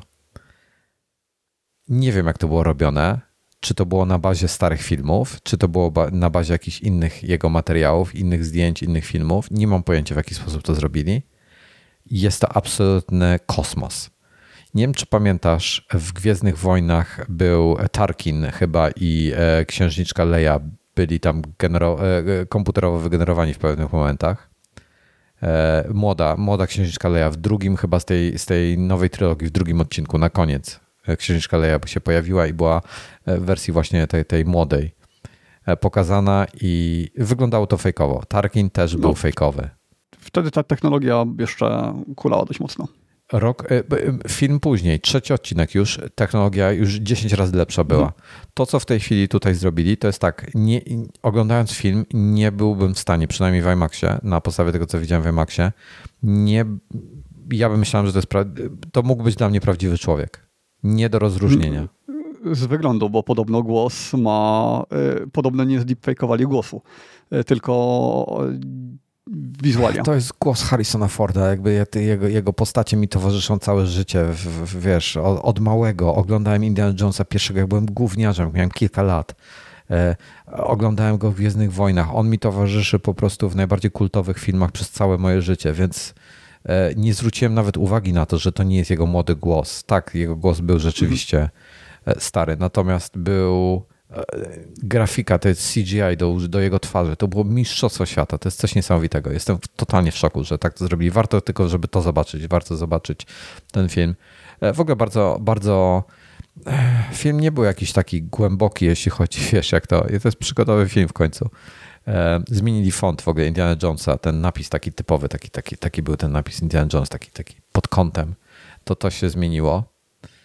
E, inny font użyli, co mnie trochę zdziwiło, bardzo mocno nawet, ale pomijając ten element, rewelacja film, bo e, nostalgia gigantyczna do tych wszystkich poprzednich, Harrison Ford, super, bardzo fajne podejście, inny trochę od innych filmów, bardzo Wiesz, jak filmy w tej chwili są e, mega e, politycznie poprawne, prawda? Jeśli chodzi o. o no wiadomo o co chodzi. Tomasz kiwa głową i uśmiecha się. No, Słuchaj, no, jedna rzecz zawsze będzie. No. Politycznie poprawnie zawsze będzie jedna rzecz. Tłuczenie tłuczenie i jeszcze raz tłuczenie nasistów. Tyle, ile się nasistów tam natłukł Harrison Ford z otwartej pięści i tak dalej, to jest niesamowite. E, świetne, świetny film. Strasznie się dobrze bawiłem przy nim. E, nawet ta e, pani w zbyt krótkiej sukience z majtkami na wierzchu mi nie przeszkadzała, żeby, żeby mi popsuła widowisko, więc... Czyli był lepszy od kryształowej czaszki? Oj, tak, tak, tak, zdecydowanie. E, najlepszy nadal uważam, że jest e, Ostatnia Krucjata, potem Poszukiwacze Zaginionej Arki, e, potem i na, i na końcu bym zostawił ten Świątynię Zagłady. Tego bym myślę dał na drugie miejsce bym go, bym go wcisnął po, po um, po, po ostatniej krucjacie. Ostatnie krucjatę tak bardzo sobie cenię ze względu na to, jak świetnie Harrison Ford z Seanem Connerym grali. Był ojciec i syn i mieli takie odzywki, po prostu nie wiem, czy to kwestia ich chemii, czy też świetnie napisane, rozpisane postacie były, czy te, te, te, ten ich związek, to było genialne, to mi się strasznie podobało. Sean Connery w ogóle bardzo fajnie grał w tym, w tym, tym odcinku, więc super. E, bardzo mi się podobało. Także dla mnie taki, myślę, że numer dwa. E, no i współczesne spojrzenie na Indiana Jonesa trochę, więc bardzo mi się podobało. E, koncepcja tam fizyki, czasoprzestrzeni też bardzo ciekawa. Polecam, ogólnie polecam obejrzenie, bo to nie jest, to nie jest wybitny film, tak? To nie jest, nie wiem, co takiego ostatnio wybitnego dla mnie było. Ted Lasso, to nie jest Ted Lasso, tak? To nie jest Biały Lotos. Oglądałeś w końcu Białego Lotosa? Może gdzieś ci z tira wypadł? Obejrzyj to, błagam nie, cię. Ciągle nie. To jest taki mistrzostwo świata. Um, no, e, bardzo mocno, bardzo, bardzo mocno polecam Indiana Jonesa, bo świetna rozrywka po prostu. Okej, okay, to ja polecam, znaczy właśnie, ciężko powiedzieć, czy polecam. Y, mam film z 2019 roku, jest na Netflixie, nazywa się Polar. I to jest akcyjniak w stylu Johna Gowicka, który ma bardzo niskie oceny na Rotten Tomatoes, bodajże 18%. Y, jednocześnie wydaje mi się dużo lepszy niż Johnny Wick y, trzeci. Inaczej, lepszy niż Johnny Wick drugi, dużo lepszy niż Johnny Wick trzeci. O panie, o panie ale w porównaniu do jedynki, no to nie, to John Wick pierwszy był dużo lepszy. Yy, rozumiem, że widziałeś, po, skoro tak, taki komentarz. Nie, nie, nie, gra w nim moja miłość. E, druga po żonie. E, od razu powiem, główną rolę według tutaj napisów e, gra Mads Mikkelsen. Mads Mikkelsen gra również w Indiana Jonesie i też bardzo fajnie gra. I też został odmłodzony, bo retrospekcja. Też świetnie to zrobili. E, więc tak, Mads Mikkelsen gra i gra Catherine Winnick, która grała w. Jak się ten film nazywał? To był ten o um, Ragnarze, e, Ragnar Lothbrok. Ten taki dokumentalny, fikcyjno-dokumentalny serial, co było o Wikingach. Nie pamiętam, jaki to, to nie był Wiking, a może Wikingowie, po prostu Vikings? Ona grała no, Lagerthe. Był taki żonę. Wiking, który miał mnóstwo sezonów. No, no to, to, to ona grała tam Lagerthe. Ona mi tak w tym. I ona grała w Final Destination. Oglądałeś Final Destination? Ost tak, e, ostatnie, e, coś tam, coś tam przeznaczenia. Oszukać przeznaczenia. O, szukać przeznaczenia. To chyba ona gra w trójce, czwórce i piątce, czegoś tak. Ja ją uwielbiam, po prostu jest, jest przecudowna. I w Wikingach miała tak genialnie zrobione włosy, że no, także warto dla niej samej obejrzeć. Już widzę ten film. Okej. Okay. Jest to film specyficzny, bo e, historia taka jak mnóstwo innych, czyli płatny zabójca przechodzi na emeryturę, no i firma chce go zlikwidować. E, tylko, że to jest na bazie powieści graficznej, czyli taki jakby trochę komiksowy styl ma miejscami. I to widać, to znaczy ja nie wiedziałem o tym, ja po prostu odpaliłem ten film i zacząłem oglądać i coś mi nie grało. Miałem wrażenie, że postacie są za bardzo przerysowane, że one się tak, po pierwsze wyglądem coś za bardzo się wyróżniają, po drugie tak zachowują się właśnie dość, e, nie wiem, tak trochę bardziej teatralnie i bardzo mi się to skojarzyło ze stylem e, właśnie, e, jak, jak to powiedzieć, no, filmy na bazie komiksów typu Scott Pilgrim, typu Sin City, mm, jakieś takie, gdzie na przykład główny zły jest taki no tutaj jest y, wybitnie bezsensowny, główny zły akurat jest najgorszą postacią w całym filmie, ale wygląda tak bardzo dziwnie, bardzo, nie wiem, aż trochę nie pasuje do całej reszty. Jest zły, no bo jest zły i, i tyle. Mm, ale ogólnie postacie są specyficzne i to mi się podobało. To znaczy, ja lubię filmy bazujące na komiksach, nawet jeśli tych komiksów nie czytałem, to mm, one są specyficzne i to mi się podoba. Y, I ten film to jest właśnie historia trochę przypominająca Johna Gowicka i sam główny aktor też wygląda w sumie jak taki Johnny Wick, e, czyli jest e, brutalnie, są strzelaniny mm, i, i, i w zasadzie chyba tyle tylko mogę o tym powiedzieć. E, mnie się podobał, mimo że te oceny są jakie są, czyli na IMDb 6,3, a na tym Rotten Tomatoes 18, no to bawiłem się na pewno dużo, dużo lepiej niż na Johnny Miku 3 i na pewno lepiej niż na Johnny Miku 2. Yy, także no, ja polecam. Gra tam Catherine Winnick, więc myślę, że można spokojnie z 30% jeszcze dodać ekstra do, te, do tego wyniku, jak nie 130, więc wysłałem ci tak, zdjęcie na SMS-a. To, to nie jest taki film, który to jest film, który się ogląda jak nie ma nic lepszego do obejrzenia. W sensie gdzieś tam dodać na listę i kiedyś jak hmm. będzie wolny czas, to wtedy zobaczyć. A nie tak, że pozycja obowiązkowa. Ja ci polecę y, Białego Lotosa, żebyś sobie obejrzał i, i ten, i będziesz mógł wtedy, y, wiesz, nie, nie, musiałby, nie będziesz musiał takich filmów oglądać. Rozumiem. No Biały to tą aktorkę ko kojarzę. Y, wysłałeś to zdjęcie i to jest z Wikingów prawdopodobnie. E, Adam jeszcze poleca w tym klimacie filmy e, The Raid, wersje 1 e, i 2. Nie znam. Ja też nie. Dobrze, teraz przejdę do um, do serialu, który zacząłem, bo, bo ostatnio bardzo mocno odchodziliśmy od Apple TV Plus, wchodziliśmy w inne platformy, inne seriale oglądaliśmy, jak pamiętam The Crown, jakieś tam inne. Czas wrócić do Apple TV Plus. Zaczęliśmy od The Liaison, to jest z Ewą Green, która, która po, jest w zasadzie gdyby, mm, ta się uwielbiam, jest przepiękna kobieta. E, grała e, w, z Bondem, grała um, jak się nazywała jej postać, kurczę, taką miała specyficznie. Just, nie Jasper. Um, kurde. Eva Green Bond. Um, Jasper. W Casino Royale, tak? Tak, tak. W 2006 tak. roku. Vesper? Vesper, nie Jasper, Vesper. Vesper Lind. No, e, bardzo fajna rola dla niej, bardzo mi się podobała. Ona jest w ogóle świetna. Ona grała, bardzo ją polecam obejrzeć w takim, e, był taki, e, to na Netflixie chyba było, taki serial był Penny Dreadful. Były w Londynie w latach, nie pamiętam których, bardzo dawnych, tam typu 40 czy coś, był tak zwany Penny Dreadful. Za jednego penny kupowało się krótkie opowiadanie, które było właśnie horrorem i te horrory z tych lat zekranizowano. Jest bardzo dobrą obsadą.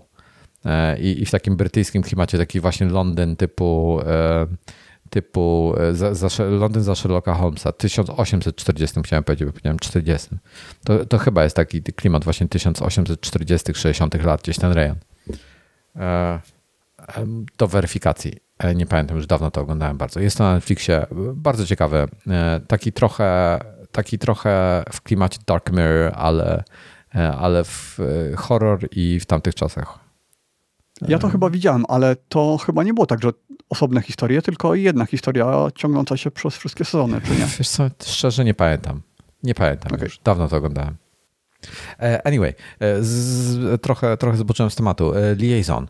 E, ona tam gra i gra e, Vincent Cassel. Vincent Cassel grał w wielu, wielu e, dobrych filmach w historii.